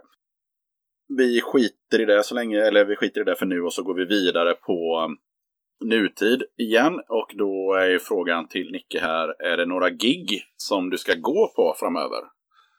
Uh, jag har inte hunnit kolla in, eh, eller velat kolla in och planera in för att jag kommer inte ha någon tid att göra någonting denna våren egentligen. Det enda jag vet och är eh, planerat och bokat och köpt och klart det är att jag ska på Kiss. Ah, Jag missade dem när de var här 97, 98. 90, 97, 97, 97. 97 var det. Ja. Eh, så jävla arg på mig själv för min farsa jobbade på Ema Telstar och frågade om jag skulle hänga med för att jag, ja, jag gick på nästan alla Scandinavium och Ullevi-spelningar för att han, han jobbade som vakt så han kunde släppa in Mm släppa in mig bakvägen så jag gick på hur mycket spelningar som helst. Allt möjligt som jag tyckte var bra och som jag inte tyckte var bra. Jag tyckte bara det var kul att gå. Men på just den Kiss-spelningen av oklar anledning gick jag inte. Fast jag vet att han frågade om jag skulle med. Och det, Det kan jag ju säga nu, jag som var på den spelningen, fast jag var inte på den i, Göteborg, utan jag var på den i Köpenhamn 97, så var det fruktansvärt bra. Mm, Och jag jag har förstått det. tveksam till att det är lika bra idag, 20 år senare. För de var ju gamla redan då, men då var ju åtminstone Ace Frehley med. Men, eh, Jag är fullt medveten om det här. Så jag, att man, får ha, man får ha låga förväntningar. Det är som, jag ska ju på Guns N' Roses i Stockholm eh, torsdagen efter midsommar. Jag har kollat lite på YouTube och har eh, förväntningar ställda ungefär på en skala från 1 till 5 på 3. Eh, Medan eh, en kompis till oss, eh, Nippa, har ju förväntningarna på typ 6. Okej. Men jag, jag har en eh, bekant som såg dem i eh, Detroit Ja, i somras och Okej. sa att det var läskigt bra. Eller alltså, nu vet jag inte vad han hade för förväntningar. Sen han är ett jävligt stort eh, ehm. Guns-fan. Eh, men jag tänker att om du dessutom är ett stort Guns-fan så borde du ha en högre nivå av din kritik med. Jo, men Eh. samtidigt så, alltså man, eh, som, som stort Guns N' Roses-fan så, så vet man ju också vilken eh, jävla röv eh, Axl Rose har varit de senaste 20 åren. Eh, så att med, med det i beaktning så, eh, så eh, satte jag ner förväntningarna. Mm. Sen när han gjorde en strålande insats här nu eh, på ACDCs världsturné. Eh, Angus Young var ju minst sagt imponerad för Axel fick ju audition som alla andra och eh, de tog honom för att han, han sjöng bra och gjorde bra ifrån sig. Men eh, de var ju lite oroliga över det här med du vet, rivaliteterna och inte komma i tid och sådär. Men han var ju i tid till varenda repning och kunde, hade lärt sig alla texter och inte en enda konsert fuckades upp på något sätt på grund av honom. Liksom. Så att, eh, och, och sen då samtidigt med den så kommer den här eh, turnén med Guns då som heter Not in this lifetime tour. som är Axels svar på när Guns N' Roses kommer återförenas. Eh, då svarade han Not in this lifetime. Det kanske bara tog honom 30-40 år mer än normala människa att bli vuxen helt enkelt. Faktiskt så är det nog exakt det som har hänt faktiskt. Det, Det, det hade varit jävligt kul att se om han kunde ställa upp på en allmänt så här, ödmjuk intervju och alltså verkligen be, inte be om ursäkt, men eh, prata om sig själv i sitt forna jag i ren ärlighet liksom. Ja, det tro, så, så långt tror jag inte att han skulle kunna gå. För han, eh, men, men eh, visst hade det varit intressant att fråga om det här liksom med, med att släppa med sig syrgastält till, eh, till Sweden Rock och springa runt och proklamera att man är Guns N' Roses där man har med någon snubbe som heter Buckethead och, och så vidare. Liksom, kom igen. Eh, och håller på i, i, i 15 år med att släppa en platta som är medioker. Liksom. Det är den här eh, Chinese Democracy. Syrgasgrejen då? Ja, ah, det var så här för, för, för det skulle bli bättre sång då liksom Mm, stämbanden, wada wada wada. Ja, men det är väl inget nytt? Har inte han kört det i alla tider, till och med när de var fräscha? Nej, för fan, när de var fräscha så då var ju bandet definitivt inte fräscha. Då hade de inte, då hade inte någon ens tänkt tanken på att hålla på med någon syregas, utan det var nog mera supa och knarka som gällde. Jag vet inte, men... det är någon eh, skröna jag det är någon skröna. att de kört eh, i alla jävla tider liksom. Ja. Men det, Nu är vi, nu är vi eh, tydligen såna här Spekulativa. spekulativa poddar. så att eh, vi släpper det och, och, eh, och inser att Niklas och Niklas de ska gå på Kiss och Guns Roses. De ska gå på gamla gubbar helt enkelt. Det är de giggen. Eh, själv ska jag faktiskt gå på, på Fred eh, och Tootie på söndag va? Från Ja. Dead Moon. och som det har ju Jonk tjatat något så in i helvete på mig så jag köpte kanske biljett inte med en har gång. något där. Det val var- än att han tvingar med mig på något vis där. Jag får se. Grymt! Vi fortsätter snacka gig och eh, ser om det går lite lättare att svara på den här frågan då. Bästa gigget senaste året typ? 12 månaderna från och med nu bakåt så långt. Ja, What comes to mind? ja eh, Det är ju bara ett gig vi pratar om här. ett gig. Ja, alltså det, det är lite tråkigt att snacka om de här stora grejerna som vi pratar om nu.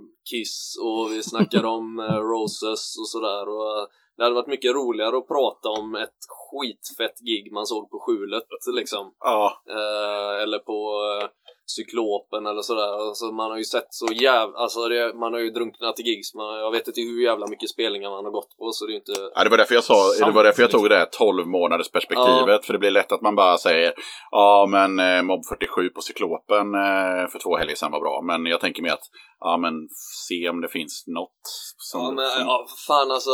eh, det här var ju mer än 12 månader sedan som jag såg eh, det här turnépaketet paketet med Entombed, Abbat och Behemoth på Trädgården. Mm, Eh, det var ju i november. eh, 15. För, för, ja, precis. Så det är ju strax över 12 månader sedan. ja, ja, men är det det, Men- det största intrycket så kör vi ju. Ja, det var ju så jävla bra. Det var ju helt sjukt bra faktiskt. Och så, men nu såg jag ju Behemoth igen för eh, mm, två månader sedan på Lisebergshallen. Och det var ju också tvärfett. Men eh, då, det var ju fortfarande så pass färskt inpå att jag såg dem på Trädgården, vilket var så jävla mycket bättre. Eh, men eh, ah, det är så jävla, jävla bra. Mm. Uh, fy fan vad bra det var. Sen... Jag har, jag har ju fan ingen tidsuppfattning men... så jag kommer inte ihåg hur länge sedan det var jag såg Damage Head på, på, uh, på skjulet. Ja, det kan nog vara ett tag sedan. Det mer än 12 månader sedan. Ah, skitsamma, men Ja. eh, det, det, det, jag kommer ihåg att det var ett tag sedan. Eh, som, Men Sick of It All, det var inte så länge sedan. Det var inte så har länge jag i sedan. ganska färskt minne. Det var Ja. ju förbannat bra. det var bra som Det fan. var, ja, Lite väl fuktigt i lokalen bara. men, ja. lu- Luftfuktigheten var ju, var ju, var ju Thailand-kvalle på den. Men eh, ja, absolut. Nej men eh, ja, det, det blir så jävla svårt att ta ut spelningar när det har varit eh, Det har varit så jävla mycket bra alltså. Herregud. Ja. Ja, Alltså, jag håller med dig. Hade du ställt den här frågan till mig så hade jag också baxnat för att eh, eh, det blir naturligt att man börjar tänka på liksom hösten. Eh, vad, vad, gjorde man i hösten 16? Ja, men det var spelningar hela tiden och allt kanske inte var bra, men, men mycket var ju bra liksom och, och, och sådär. Och jag, jag kommer inte ens ihåg om det var i höstas, men jag tror det var i höstas jag var på, på Baboon Show som jag tyckte var eh, sjukt jävla bra. Det är väl det som jag kommer ihåg från, från hösten av alla bra spelningar. Och sen var faktiskt Mob 47 sjukt jävla bra för två veckor sedan på, på, på Cyklopen. Eh, och eh, jag har ändå sett Mob 47 fem, sex gånger i alla fall. Eh, och tycker att den, den, eh, det var sånt jävla, jävla fart i dem. Eh, kan ju hänga ihop ganska mycket med, med att eh, de har en betydligt yngre förmåga på bas nu i Kristoffer från eh, Lautstyrmer som, som spelar bas nu. Så att, eh, det har nog blivit lite energi där, skulle jag tro. Jag kommer inte ihåg om det var, jag, jag för mig att det var de Det var många år sedan men när kompaniet fortfarande fanns och Mhm. hette kompaniet Mm. Eller kompaniet underground Kompaniet där uppe, undergrounden nere. Precis var, Visst var det Mob 47 där precis innan de började kursa, alltså innan det började gå käpprätt åt helvete för dem att det Oj, ingen aning. Alltså jag såg Mob 47 första gången eh, på deras återföreningsvända eh, 2006 och då bodde jag i Stockholm så jag såg dem på, på Nalen, eh, Who Killed Marilyn. Eh, 2000, ja men det kanske var kring 2006 det, de började lägga ner eh, kompaniet och det. ja, det kan det ju vara. Det kan det vara. Nu kan jag ha drömt ihop där att det är där jag såg dem men det var i alla fall, tror jag, första gången jag såg dem. Eller det bör det ha varit. Det bör det ha varit. Det bör det ju för onekligen de hade om det var haft- i åt, återföreningsvändan där ja. Ja, och sen var det bara att de slutade, de, de, de fortsatte efter det helt enkelt. Så de har liksom bara kört på. Och därför har man kunnat se dem ganska många gånger. Men eh, som sagt var på, på Cyklopen här nu senast så var det, var det ett jävla drag. Jag blev nog tyvärr lite för överförfriskad Ja. Eh, och eh, har inte några glasklara minnen men eh, det var en jävligt rolig kväll.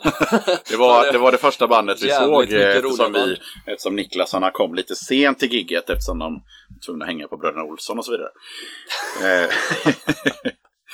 eh, all right. Eh, vi går till en eh, annan fråga som eh, är intressant och som jag tror att jag faktiskt inte har frågat. Och har jag det så skitsamma. Eh, hur blev det just trummor för, för Nicke? Och var du inne på att lära dig liksom gitarr eller något annat instrument från början? Nej, Nej. eh, det blev trummor med en gång tack vare farsan som eh, han spelade trummor jag vet inte hur länge han liksom spelade mycket trummor direkt. Ja, eller det, det, han var med i band och så eller? Ja, de hade ju något band i Kortedala liksom eh, när han var i Svängen? Nej men 15 till 20 eller vad. Jag, jag, jag kommer faktiskt ärligt talat inte ihåg eh, hur länge de höll på och hur länge han spelade och sådär. Men de eh, spelade ju Sabbath, uh, Heap, eh, Purple. Mm. Ja, tung hårdrock, 70-tals-style liksom. Och sen eh, blev det väl att han tyckte det vore skitkul om jag tyckte det var roligt också och det gjorde jag. Mm. Och så började jag spela på ett eh, laser-kit. Som mitt första kit. Eh, ja, alltså jättelitet, eller inte jättelitet, inget leksakskit men ett, ett litet jävla trumset liksom. Ja. Jag var sju tror jag jag var. Mm. Så jag har spelat eh, egentligen hela mitt liv. Eh, men aldrig haft någon ambition att lära mig något annat liksom. Jag har gett mig på gitarr liksom och försökte i tre, fyra års tid verkligen. Ja. Men jag fick jag kan inte, alltså jag kan inte koppla Nej men det är två helt jävla olika saker. Men det är det absolut. Jag får inte alls det att funka liksom. Och jag tyckte heller för den delen inte att det var kul. Jag kan inte hålla på och pusha mig själv och försöka lära mig någonting som inte är roligt så fan jag sket i det liksom. Mm. Jo, vi var ju inne på det innan att eh, det, är, det är mycket black och eh, alltså black metal och, och, och punk och sådär för Nicke om dagarna och kvällarna. Men, eh, och sen så nämnde du ju att eh, back in the day så var det även 90-tals hiphop. Men eh, är det någon annan genre som, eh, som du vurmar för, för utanför det här hårda, hårda musiken? Ja, det sa jag väl förut också, men alltså... Jag älskar ju 70-talsrock. Mm. Eh, Alltså, kanske inte den flummigaste 70-tals, alltså... Men 70-tals hårdrock. Alltså, Deep Purple och Black ja, Sabbath. Och... Sabbath, Purple och som jag nämnde om farsans gamla trotjänare förut med ja, Heap och Mm. hela det gänget. Mm. Det är lika mycket det älskar jag också liksom. Och så... Det, är, det är inte så här symfoni hårdrock. Nej, Nej. nej, nej, nej. Nej. Eh, men sen andra, alltså, och det, det kanske blivit ännu mer, eller det, det är absolut ingenting som jag kanske föddes upp på, men eh, det är den här typiskt amerikanska, alltså med Boston, Mhm. Kansas, den typen av gubbrock är någonting som jag nog har hittat mer själv än att farsan och morsan det blir, blir mer och mer av, av den skolan alltså. Hur är, hur är det med Creedence och ZZ Ja. Top och... Ja, ja. allt sånt. Ja, Ja, ja, för fan, alltså. Dire Straits. mycket. Mycket. Ja. Härligt, härligt. Nej men det är mycket det alltså sen Jag kan bli riktigt cheesy emellanåt med alltså Toto eh, Ja, ja, herregud. Nej men det är Vem alltså jag gillar är, inte Toto? Nej precis Och eh, inte få snacka om eh, Floyd Ja, Det- ja, ja. ja. Nej men eh, nej Det finns så jävla mycket bra så det är fan inte sant Långt ifrån att jag bara lyssnar på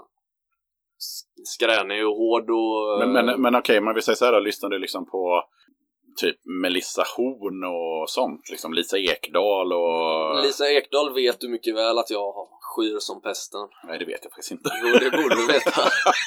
okej, Nicke skyr Lisa Ekdahl som pesten, men okej. Nej, nu känner jag mig jätteelak. Jag vill inte snacka illa om någon. Nej, men... Eh, eh, det är så... Äh, jag, Men jag tänker på jag vet svensk, svensk, svensk singer-songwriting, liksom. Är det helt... Nej, inte helt. Eh, nej, verkligen inte. Eh, jag kan också nynna med i Veronica Maggio-låtar. Och Mm. eh, även alltså Håkan-grejer. Mm. Om du har rätt feeling bara så... Ja, vad fan Ja, liksom. det är klart. Men nej, jag måste bara ta tillbaka det med Lisa Ekdahl och känna mig som en jävla röv där. Men eh, den här jävla genren som jag... Jag vet inte ens om det är ett vedertaget begrepp eller om det är någonting som jag har hittat på med caféjazz.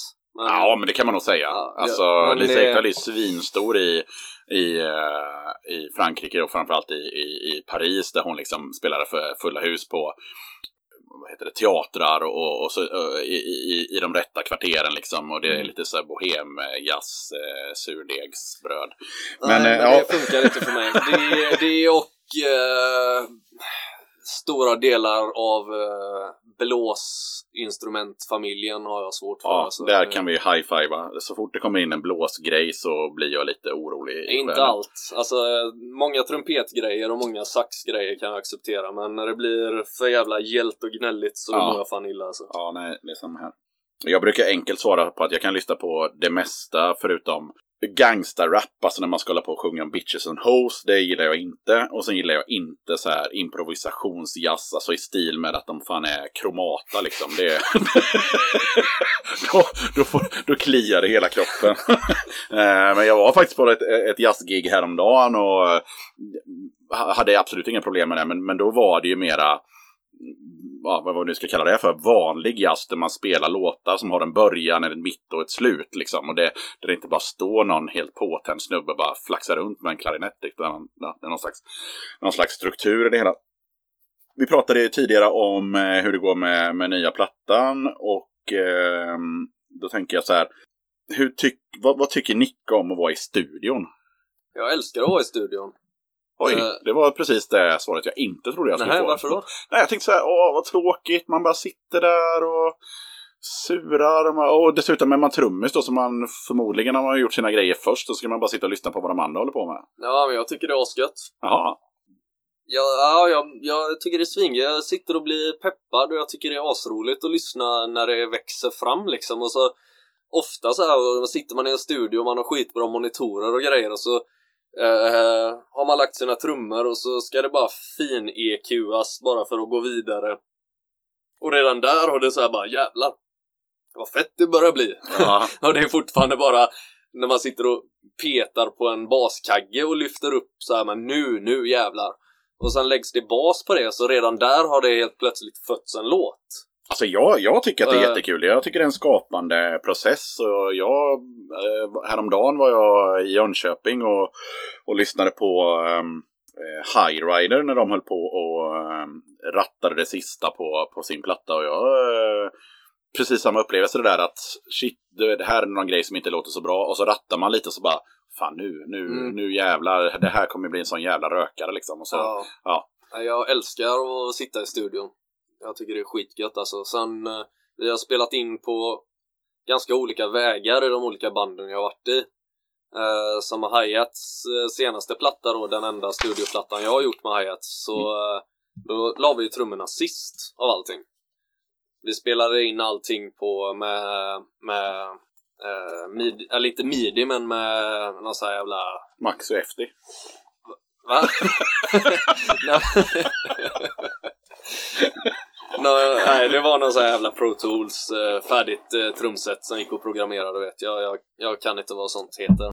Nej, okej. Eh, men, eh, så då la vi trummorna sist av allting, så då fick jag ju inte riktigt vara med i den här goa eh, Processen alltså, och- och alltså när det växer fram, alltså låtarna visste vi ju, låtarna hade vi ju redan skrivit och de var ju klara och sådär, men sen hade ju de andra liksom lagt instrumenten i eh, hemma hos Mange, i hans hemmastudio. Ja.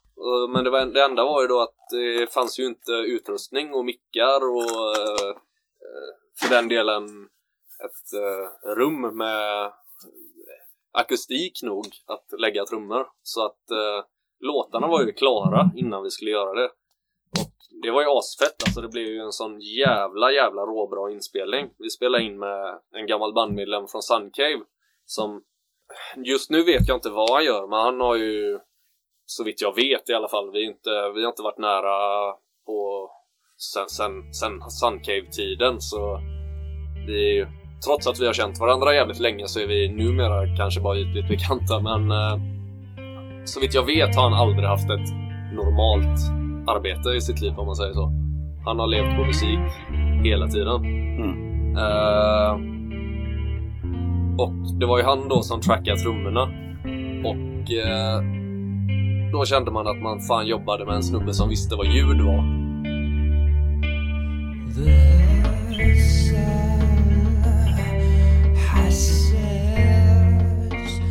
But the money keeps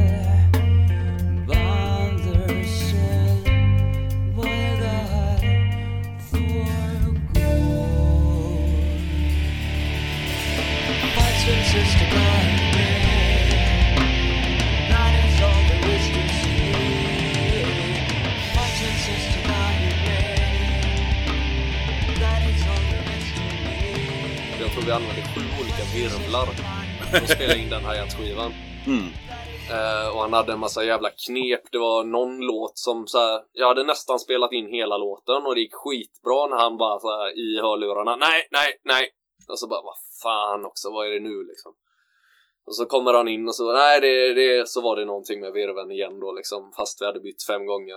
Och så frågade han bara, får jag se på din plånbok? Ah, va? Ja, alright. Tog jag fram min plånbok, ja men den, den är perfekt. Och så tejpade han fast den på, på skinnet så här. Ja men det här är klassiskt så här, 70 soul-knep för att dämpa typ. Alright. All Och så körde vi vidare. Och så, eh, ja. Alltså till och med nu när jag sitter och lyssnar på den, på, lyssnar igenom den den Came Cancer-plattan så hör jag ju inte att där var den virveln, där var den virveln. Men man hör att det är en, en annan ton, en annan nyans. En, man hör att det är olika virvlar men jag har fan ingen aning om vilken som är i vilken låt och sådär. Nej. Men eh, det är så jävla kul att jobba med sådana öron liksom.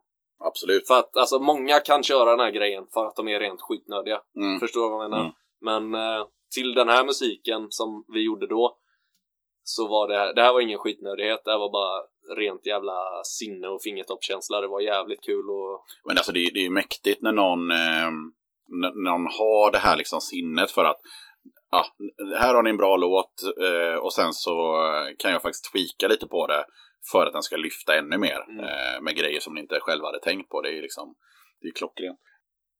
Jo, eh, från det ena till det andra som det har varit hela tiden i den här intervjun.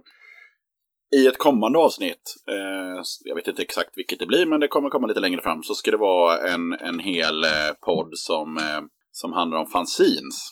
Mm. Eh, så då tänkte jag, kollar vi med, med Nick lite, vad, vad har du för förhållande till klassiska pappersfanzines? Eh, inte mycket alls. Alltså jag köper fanzines på festivaler och spelningar liksom. Jag har aldrig varit koncis eh, med det där. Köper du, jag gissar på att du köpte mer fanzines för tio år sedan än vad du gör idag. Nej. Nej? Ah, Okej. Men ska sanningen fram så har jag aldrig köpt många fanzines. Eller jag har inte köpt mycket fanzine. Men eh, nivån på det är nog densamma. Mm. Alltså, alltså det, det är inte det heller att jag letar upp fanzines eh, aktivt. Eller alltså... Nej. Och eh, har mailkontakt med folk när de får ut ett nytt nummer och ber att få den postad. Men eh, är jag på spelningar och man eh, träffar en eh, Fanzinmakare. Nej men någon som tjötar och så råkar de göra fanzines. Alltså då köper jag alltid. Mm. Det är ju ett sätt att... Lika, lika mycket som att... Det... Inte för att förminska... Absolut inte förminska att, att man fan gör fanzines, för självklart alltså men... Det är ju lika mycket att supporta att folk håller på med det. Som att man kanske egentligen är... Alltså, Mm. förstår du vad jag in- intresserad? Alltså förstår du vad jag Ja, menar? man kanske inte är superintresserad Nej av men alltså innehållet. för, men man... samtidigt så här, vad ska du ha? En 20? Ja. Ja. Självklart Ja. liksom. Och så då vet man, då har man någonting på bussen hem. Mm. Eh, man har någonting när man är bakfull dagen Mm. efter och, och, så, och så är det någonting som jävlar.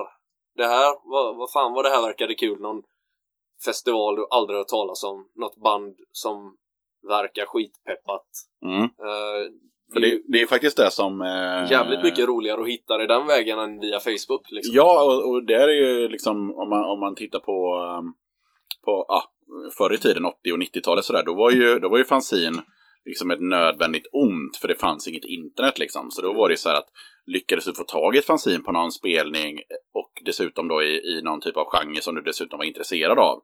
Ja, då eh, dagen efter där på, på porslinsfåtöljen så kunde du sitta och, och upptäcka eh, band och distron och, och, och grejer och helt plötsligt så öppnar det liksom en helt ny värld. Eh, så är det ju inte riktigt 2017 kanske om man, om man köper ett fanzine men det är fortfarande så att du kan upptäcka nya grejer för att det finns ju så mycket på, på internet så att man blir trött på det. Men här får man det förpackat liksom i, i, i det här tidningsformatet liksom och sitter och bläddrar och, och kanske hittar någonting som är intressant. Men jag kan väl säga att jag köpte mest fanzines på, på 90-talet eh, för då Ja, för att upptäcka nya band egentligen. Eh, vilket jag gjorde i stort sett vilken jävla tidning jag köpte. Bra skriven, dåligt skriven, men jag hittade nästan alltid någonting som fan det där verkar ju nice. Och så, eh, framförallt att man hittade distron så man kunde beställa skivor liksom. Och, Mm. Så att det inte bara var Ginsa som gällde liksom. Utan Mm. man, man hittade andra kanaler att att få tag i, i musik på liksom.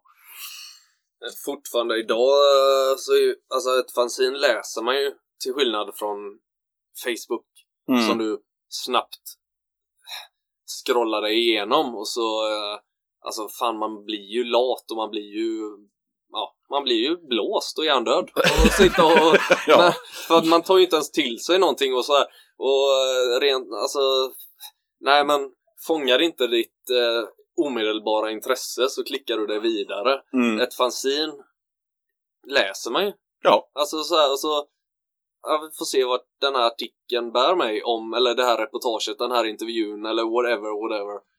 Men du tar det ju, du, det är ju roligt och du tar dig mödan, eller ja, ah, mödan, men du tar dig din tid Mm. till att göra det. Men sitter du med din jävla dataskärm eller din lilla telefon, då, äh, Nej. nej, nej, fyra rader, nej, Nej. nej, jag, Nej. jag, nu har jag skaffat mig en uppfattning, fuck det här liksom. Ja. Eh, så det, är- det är ju fortfarande skitgött och med fysiska fanzin. Ja, ja. Det, det, det, det tycker jag också. Eh, verkligen. Grymt. Eh, eh, har du något fanzin som du, eh, from top of your head, alltså kan namedroppa som du har köpt i modern tid? Det allra senaste jag köpte var ju Flyktsoda. Men är det ett punkfanzin eller? Ja, För jag känner inte till det. ja, vad heter han nu? Från Protestera. Mhm. Okej. Då är det ett punkfanzin helt enkelt. Och då har vi kommit till punkten där, där vi ska reda ut eh, varför den här pod- podden heter Döda katten. Och det är ju faktiskt eh, dagens gäst som kanske inte har döpt podden till Döda katten, men han eh, introducerade mig för uttrycket Döda katten. Så ja, vad, vad betyder Döda katten, Nicke? Jag menar i eh, alkohol och hemgångsterm. Yes. Ja, ja, först och främst så undrar jag varför du döper en podd efter det, men eh, Jag tänkte att eh, det kunde vara, alltså det, jag tänkte så här, det sticker ut lite att den heter det eftersom i, ehm, när vi säger Döda katten nu så då hör man ju att det är ett namn på en podd. Men när man läser det så skulle man ju kunna läsa det som en uppmaning som bland annat Tobias från Hi-Hats eh, satt och funderade på häromdagen. Liksom, att är det Döda katten med utropstecken liksom? Som att, som uppmaning Ja. till eh, han Högsbo, eh, precis, precis. 15-åringen eller vad Ja. det var. Och det har jag ju redan klargjort i, i, i piloten till, eh, till den här podden att, eh, och i, i textbeskrivning på Facebook och så vidare. Att det handlar ju inte om att någon vill att någon ska döda en katt. Nej, vi motsätter oss kattmord. Absolut. Eh, döda katten är ju när du smiter hem. Mhm. När du när du tar det här tillfället i akt och du ser att alla dina vänner inte ser dig. Mm. Eller när du helt enkelt känner att ingen bryr sig om dig kanske också för den delen. jag vet inte. Okej. Nej, men när du känner att fan jag har fått nog och fan eller att jag tänker gå Du behöver inte vara sur Eller så här, vara på dåligt humör heller för den delen Men bara nej Fuck det här, fuck alla eh, Jag drar uh, Alltså att man sticker och bara går upp i rök Precis som jag har hört Nu spekulerar vi Yxan Ja, ja, kör på bara. Eh, Att katter gör när de dör, de sticker Ja. En- Ingen katt vill dö helst hemma bredvid i kattlådan höll jag på att säga, i kattsängen eller på kattkudden eller var nu katter sover. Nej, alltså så kan man ju tycka att det är lite slarvigt av mig att döpa podden till Döda katten utan att ens ha, ha googlat huruvida katter eh, smiter iväg när de ska dö. Och, eh, men det vet jag faktiskt inte. Och, och, och det kan ju vara en skröna och det är som det här med elefanter. Jag vet inte om det stämmer heller. Eh, men de ska ju tydligen också göra att de lämnar, lämnar flocken när de vet att de ska dö. Så smiter de iväg och dör eh, någonstans för sig själva. Eh, och sen så stammen eh, känner av det och så går de dit och, och, och tittar på den här döda elefanten och står de där och sörjer lite. Det kan vara ett romantiserat minne av, eller så, en romantiserad bild av både katter och elefanter, jag har ingen aning. Men eh, därifrån kommer uttrycket i alla fall. Ja. Kaniner gör det. Okej. Så Och mycket vet och- jag. Okej, Så, det har jag sett. ja. Eh, jag kan ju också då eh, lägga till att i lördags så, så pratade jag med Stoffe som också då är medlem i, i Fredagen den 13 och eh, han hade inte hört det här uttrycket men när jag förklarade för honom vad det betydde så sa han att eh, ja ja, en, en helt vanlig eh, ninjabomb. Okej. Eh, det var hans eh, variant av det hela. Att Ja, Man, man är full och så vill man inte snacka med de andra, man vill gå hem och man vill inte stöta på dem för då kommer de kanske insistera på att man ska ta en öl till och då gör man en ninjabomb och det är så. alltså kasta röken i marken och sen är man borta liksom. Ja. Ja, så att, eh, men ninjabomb-podden och Döda katten, jag vet inte. eh, Döda, fast jag, ninjabomb låter ju så jävla tufft. ja, nu heter den Döda katten och det är ditt fel. Eh, och nu vet alla som lyssnar varför den heter som den heter. Eh, vi börjar närma oss slutet. ehm, och eh, det blir dags för, för Nicke som inte är så duktig på det här med att komma ihåg saker och svara på ytterligare en sån här minnesanteckning. Och nu är frågan bästa festivalminnet. Och då kan det ju vara att du, att du eh, själv liksom eh, spelade på en festival eller att du Mm. var på en festival. Ja, vad fan det är... Som vanligt, det finns så jävla mycket eh, bra att säga, men eh, jag kan nog säga de två roligaste festivalerna som besökare, alltså om vi snackar, pra, eller vad pratar vi om festival? Pratar vi alltså, du vet, Festivalminne. so- sommar och Ja, ja, ja, exakt. tält ex, ja, ja, och- exakt. Ja, Sommar och tält och, ja. och, och, och bärs och det som hör till. Ja, men, ja, Roskilde 03 var ju förbannat roligt. Det var första Roskilde. Jag var bara, jag, jag har inte varit på så jävla mycket sådana festivaler överlag liksom. Jag var på Roskilde fyra eller fem gånger. Mellan 03 och 07 tror jag.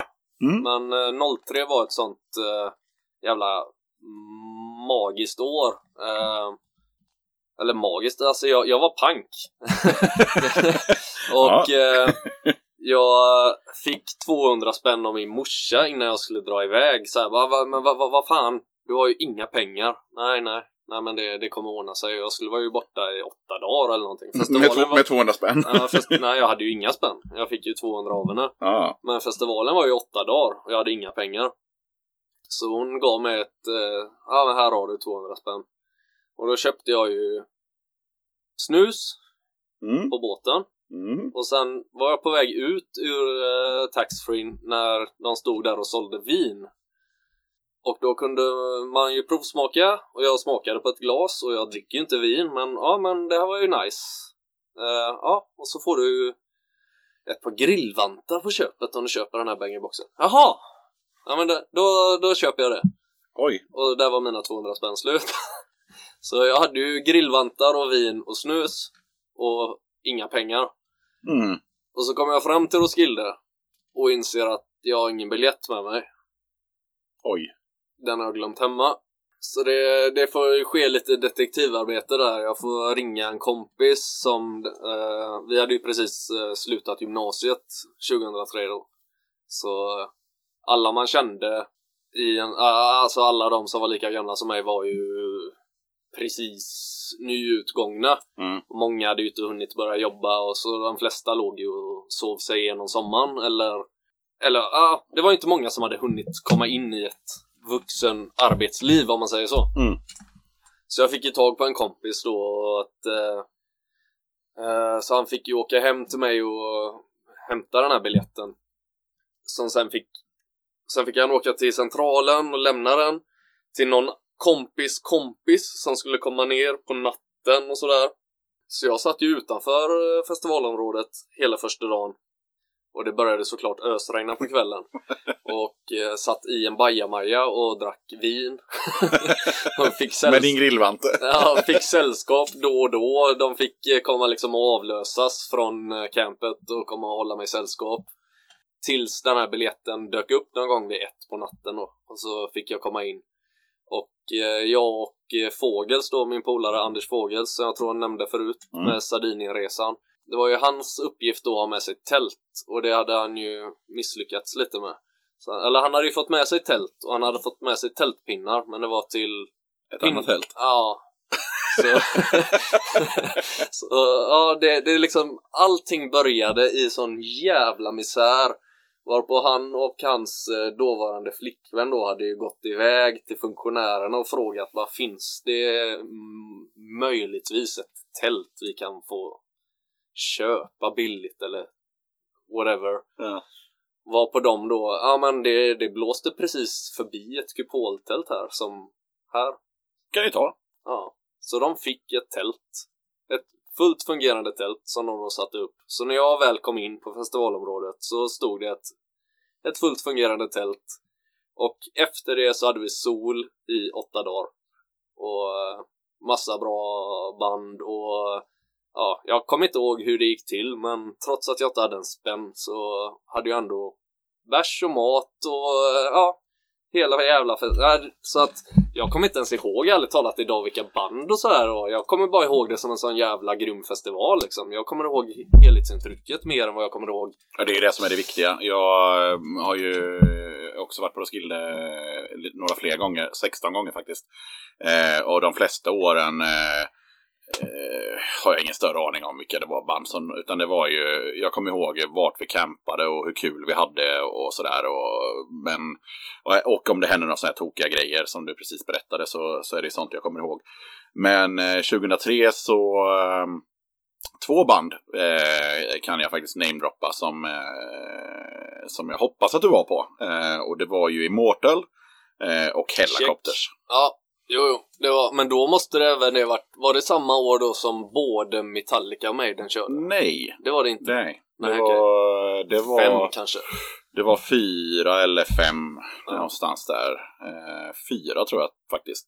Ja, det får ni kolla upp själva där hemma. Ja. Men eh, jag kommer ihåg att, att eh, vi, jag är 99% säker på att det var 2004.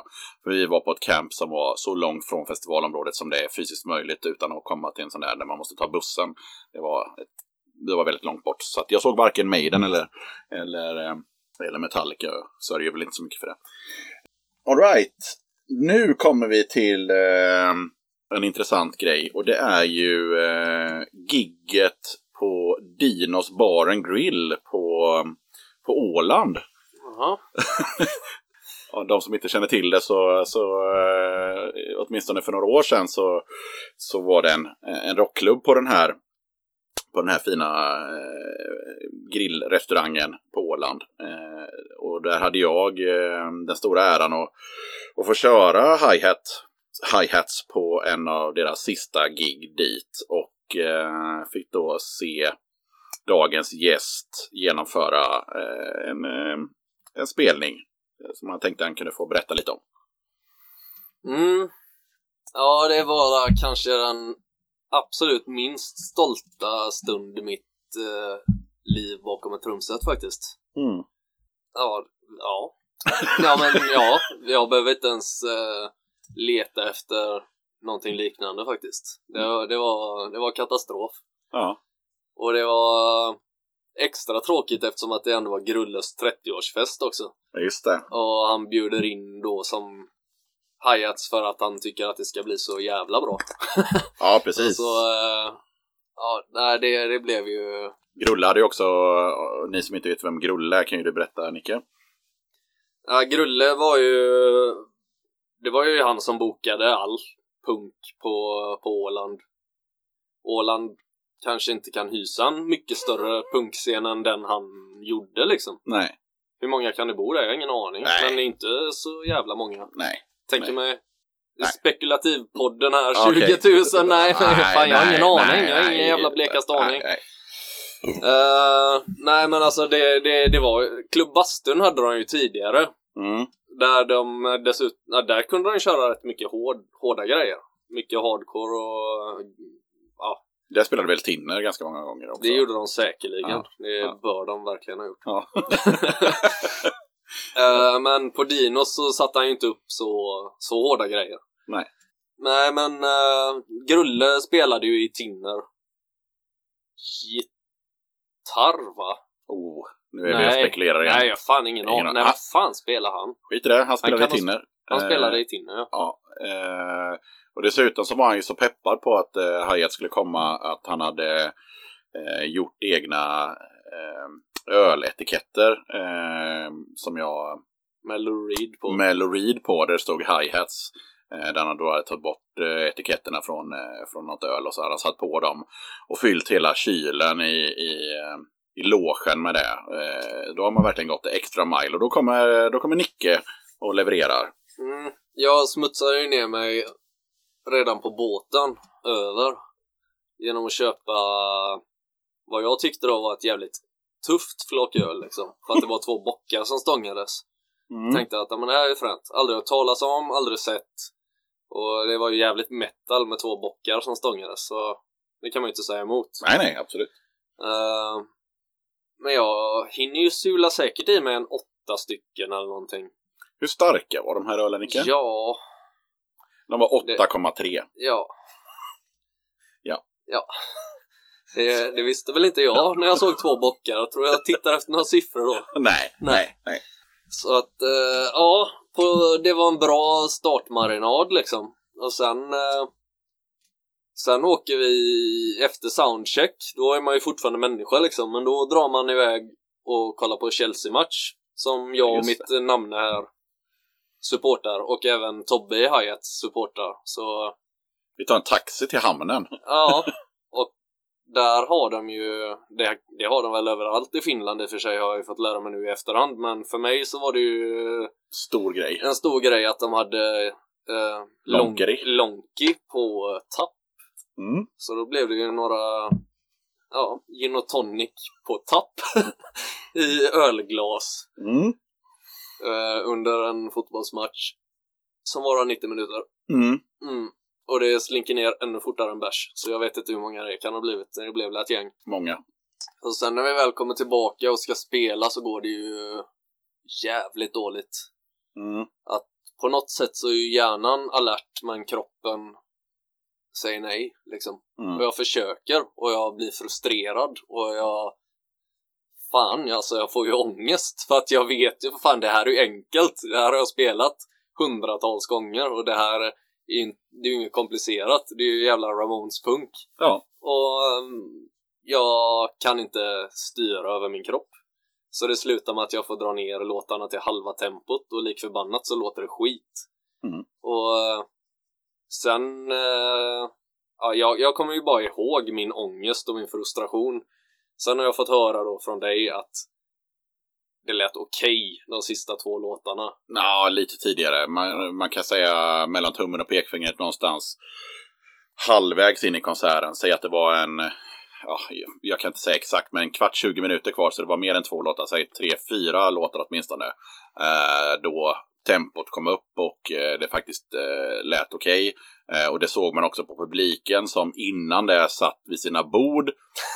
Först, först, stod de längre, först stod de uppe på, på, på dansgolvet, eller vad jag ska kalla det för, och, och var peppade liksom. Och var många Hi-Hats-fans från, från Åland med omnejd. Men de, de resignerade och gick till baren, köpte öl, satt vid sina bord och tittade på det här spektaklet. Men sakta men säkert så, så började då det, det komma upp i tempo och eh, eh, tajthet. Eh, och jag kommer fortfarande ihåg att Holiday Road satt som en smäck och var extended version som sig bör och, och alla var Den som glada. inte ens skulle spela eller? Ja. Den som Grulle nästan bara grina när vi sa att vi inte skulle spela. Ja, så det blev väl någon slags eh, Det var den enda in, icke inrepade låten och det var den enda som lät bra. Ja, och då var ju publiken i extas. Så där, där, där vände det, så det vart lite plåster på såren för Nicke där. Eh, och då är det ju ganska naturligt att eh, följa upp den här frågan med ditt bästa gig. För det här var ju ditt Oj. sämsta. Med hi-hats eller Ja, med... vilket jävla band som helst. Det var liksom när det bara kändes jävlar vad bra det här gick. Jävlar. Mm. Oj, nej det vet inte fan vad man kan... Ja, Men dra ett då, som Ja, du men- vet att det här, det här Ja, gick alltså- bra. Här hade jag bra medhörning, här hade vi Ja, kul nej, publik. alltså, här, eh, det, sak, så här här, ver- verkligen så minnen av när det var så här jävlar i helvete vad fett och vad roligt det här var. mm, Det var ju, vi spelade med Fredan eh, på en festival, liten jävla festival uppe i italienska Alperna. Eller äh, Alperna, Alperna, det är lite för långt söderut för egentligen vara Alperna, men i Trento, mm. nordöstra Italien. Eller Trento eller vad fan. Jo, jag tror det heter Trento. Och eh, kidsen som, alltså vi åker upp såna jävla italienska serpentinvägarna och kommer högst upp.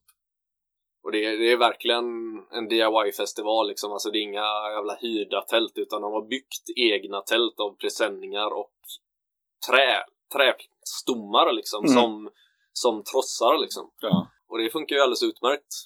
Men eh, sen börjar det ju spöregna men det, tältet är så pass stort att det, det funkar att ha en fest i liksom. Mm. Kidsen kastar upp en jävla studsmatta på scenen under soundcheck och börjar studsdive stage... Äh, studs... Studsmatte, eh, stage stage-diva. diva. Det är ett långt ord. Ja, eh, redan under soundcheck och då får man ju en känsla av att det här kommer nog bli rätt fett när det, är- när det blir skarpt läge. Den sitter kvar som fan. Jag vet inte hur bra vi var, men det är skitsak samma i ett sånt läge när det är så hysteriskt jävla stökigt. Uh, men alltså det finns många sådana, alltså det, det är oftast när, när atmosfären och allting omkring det gör det mer än hur, hur bra vi var som band och sådär. Så jag kan jämföra det med också en, en spelning vi gjorde i Budapest som var kanske musikaliskt skitdålig av oss och det var så jävla snurrigt arrangerad spelning. Det var typ en 15-16-årig krustkid som skulle arra upp en spelning. Sen misslyckades han med allting under hela kvällens lopp, dagens lopp.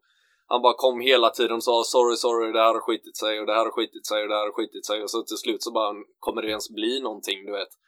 Men då hade han lyckats efter jävligt många om och men mergat in oss och de andra två banden som skulle göra den här spelningen med eh, ett straight edge-arr på ett annat ställe som istället blev Som var lite mer uppstyrt då. Ja, men som istället blev som någon slags liten jävla minifestival då för att de kanske var sex band och vi kom tre eller fyra band till och så bara blupp så hamnade allting på ett och samma ställe.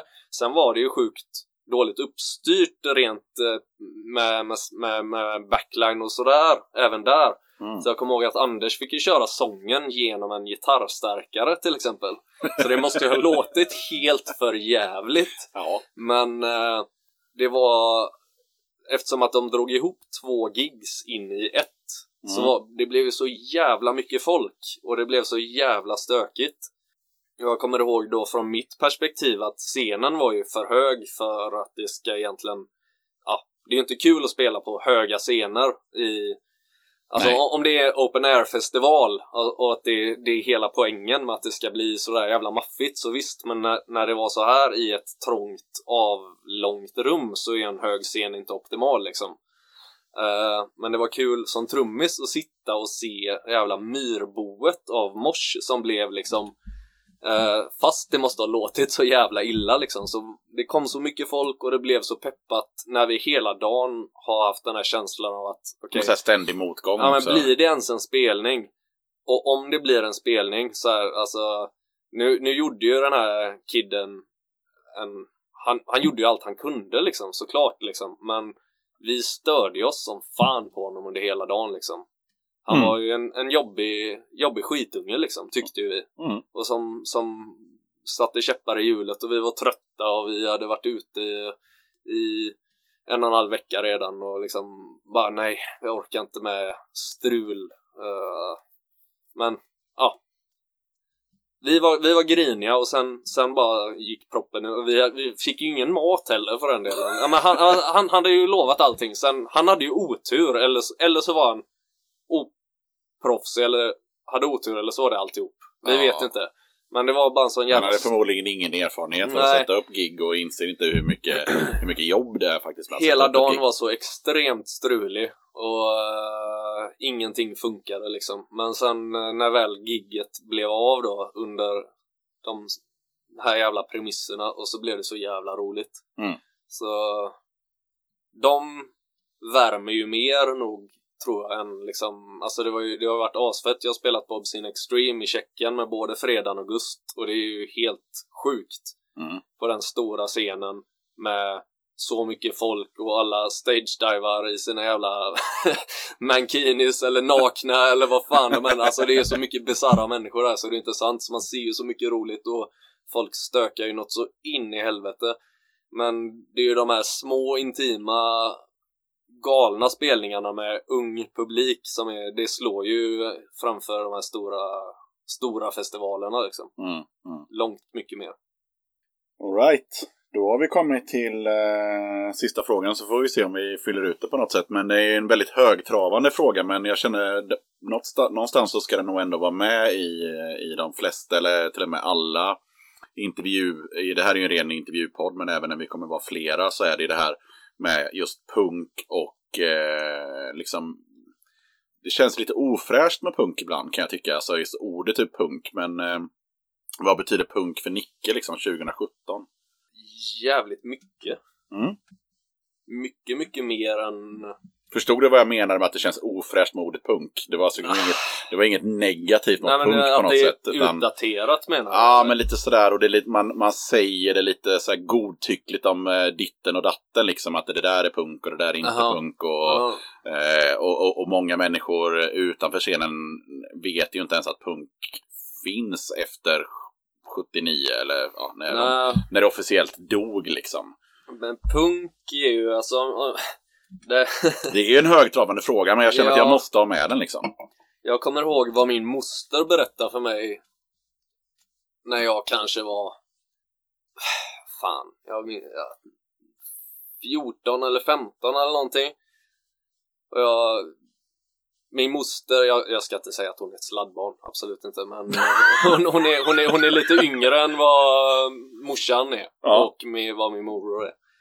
Eh, några år efter. Men ja, det är ingen extrem skillnad. Men eh, hon har alltid varit den här lite yngre eh, mostern. Alltså, det har, man har ju kunnat prata mer rakt med henne än vad man har vågat prata med morsan till exempel. Liksom, om Okej, ja. allt. Eller alltså, även om liksom, vad kallar man det? Men jag har ju kunnat prata med min moster om Ebba Grön på ett annat sätt än vad jag har kunnat snacka med morsan om Ebba Grön. För att det där är ju bara ett, något band. Medan min moster, hon har ju också lyssnat på Ebba Grön liksom. Mm, Alltså. Men då hade ju tydligen enligt henne då min mamma sagt eh, när jag var riktigt, riktigt liten så hade de haft någon diskussion om någonting jada jada varpå min mamma hade sagt att han får bli vad fan han vill i världen så länge han inte blir punkare. Och eh, då såg ju väl hon bara de här jävla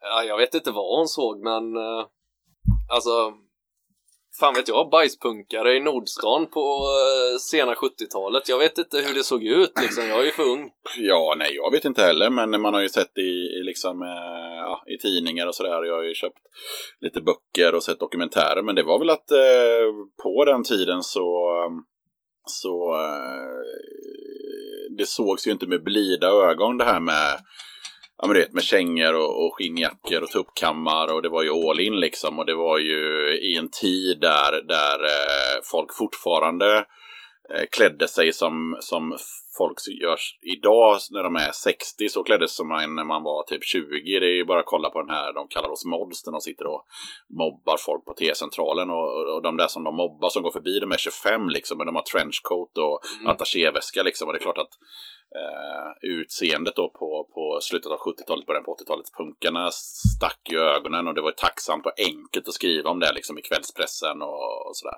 Jag tror det har varit en, eh, en fråga om att anarkism generellt har varit en sån jävla tabubelagd och bespottad sak i Skandinavien, eller åtminstone i Sverige. Eh, Men alltså, Förmodligen de andra nordiska länderna också. Ja, Det- men alltså det, det räcker ju att åka ner till Tyskland så, alltså, där folk faktiskt försöker sätta sig i att anarkism är en ideologi eller en anti-ideologi eller hur fan man nu vrider och vänder på det, men du förstår vad jag menar. Mm, ja, ja. Eh, och ni som lyssnar försök, förstår ju säkert också, men här så tror jag att folk ständigt har sett på anarkism som någon form av eh, alltså vilda västern kaos, laglöshet där alla gör allt i sin makt för att skapa elände och uppror för sakens skull. Förstår du vad jag menar? ja, ja, precis. Alltså det, det... Och jag tror det är det som i mitt fall, nu blir jag jätteledsen mamma om du skulle höra det här, men för att jag först, kanske misstolkar dig fullkomligt, men eh, att alltså det var så man såg på punk, förstår Mm. du? Att alltså, men jag vet inte om det var Sex Pistols fel, eller alltså du vet, Anarchy in the UK och så bla bla bla och så de sitter i intervjuer och käkar snorkrockor och Alltså, har, de har ingen agenda, de är Nej, bara och de, provo- sluskar. de, de liksom. provocerade för provocerandets skull. Liksom. Det, var ju, det var ju så det var. Det var som Onkel Konkel har blivit här. Ja. Alltså, det, Ja. för, för ingenting egentligen, bara Ja. för att det är jävligt roligt. Eller så. ja. Och Det, därifrån... det är ju vad jag mm, tror att den tidigare svenska generationen trodde om punk. Alltså att punk var ett paket av en, ursäkt till att bete sig som ett jävla svin. Eller Mm. förstår du vad jag menar? Ja, det fanns ingen fanns ingen baktanke mer än att eh, det här är lattjo liksom. Nej. Eh, Och för många var det säkert så också från Ja, början. alltså, det, var ju, Alltså, det det, var ju, det var ju en stark liksom, så här, motreaktion mot, eh, mot liksom, hippiekulturen och folk var trötta på det där liksom, med att så här, hand i hand och liksom, 68-rörelsen och alla ska liksom vara vänner och så här, peace and love och jada jada. Så till slut så blev folk trötta på det och samtidigt, samtidigt så blev folk trötta på den här bombastiska musiken som vi var inne på lite tidigare. Den här 70-tals hårdrocken när man Mm. fyllde arenor och hade 25 minuter långa gitarrsolon och ja, folk började bli ganska less på det. Och samtidigt så kom ju liksom så här ABBA och hela den här glättigheten och så bara kände de att shit, här kommer det här stöddiga bandet från England och bara har liksom balla Mm. frisyrer och sådär. Ja. Så det var ju mer yta än innehåll från början, Ja. är jag rätt säker på. En punk för... Om, du, om vi återgår till frågan vad punk är. För Och vad, mig. och vad punk är för dig och vad punk är nu för dig. Ja, liksom, kontra alltså, när du var är 14. ju, Punk är ju... Musik, musiken är ju bara en bisak av punk numera. Jag vet inte ens vad punk är i musik. Alltså... Är ärligt talat. det, det är svårare nu att säga det än för Ja, tio år men sedan. alltså- det, Så var jag ju på eh, Stadsbiblioteket när Mats Jönsson i Attentat eh, snackade om attentat i Göteborgs punkscen 70, eller ja, 70, slutet 70. Hel, ja, 80, 80, början av 90 får jag säga. mm. Men 80-tal framförallt. Eh, men då fick ju han också, alla, han fick väl lite frågan vad punk är för honom. Eh, jo, det fick han säkert, men det var inte det jag tänkte på nu. Men eh, ap- apropå det att punk är mm, mer än musik, att musik är vid sidan om punk nästan, tycker jag. Men han namedroppade som hans favoritpunkband idag. Så tog han, han sa Rise Against och Against Me. Och det är ju gränsfall för vad jag musikaliskt kallar för punk. För att det där är lite som, ah, eller jag vet inte. Nej. Det är för... Dels är det så jävla amerikanskt och så jävla poppigt liksom. Ja. Eh, jag vet alltså, om, om, om punk ska vara punk, om vi, om vi, om det skulle vara så, så skulle ju punk alltid låta som Ramones eller Mm. Pistols Mm. eller alltså så här. Och samtidigt, är fredag den 13 punk? Eller är vi metal? Eh, Ja, men då, då blir, är, då, är Wolf Brigade punk? De är ju verkligen metal i så fall. Alltså vad fan är...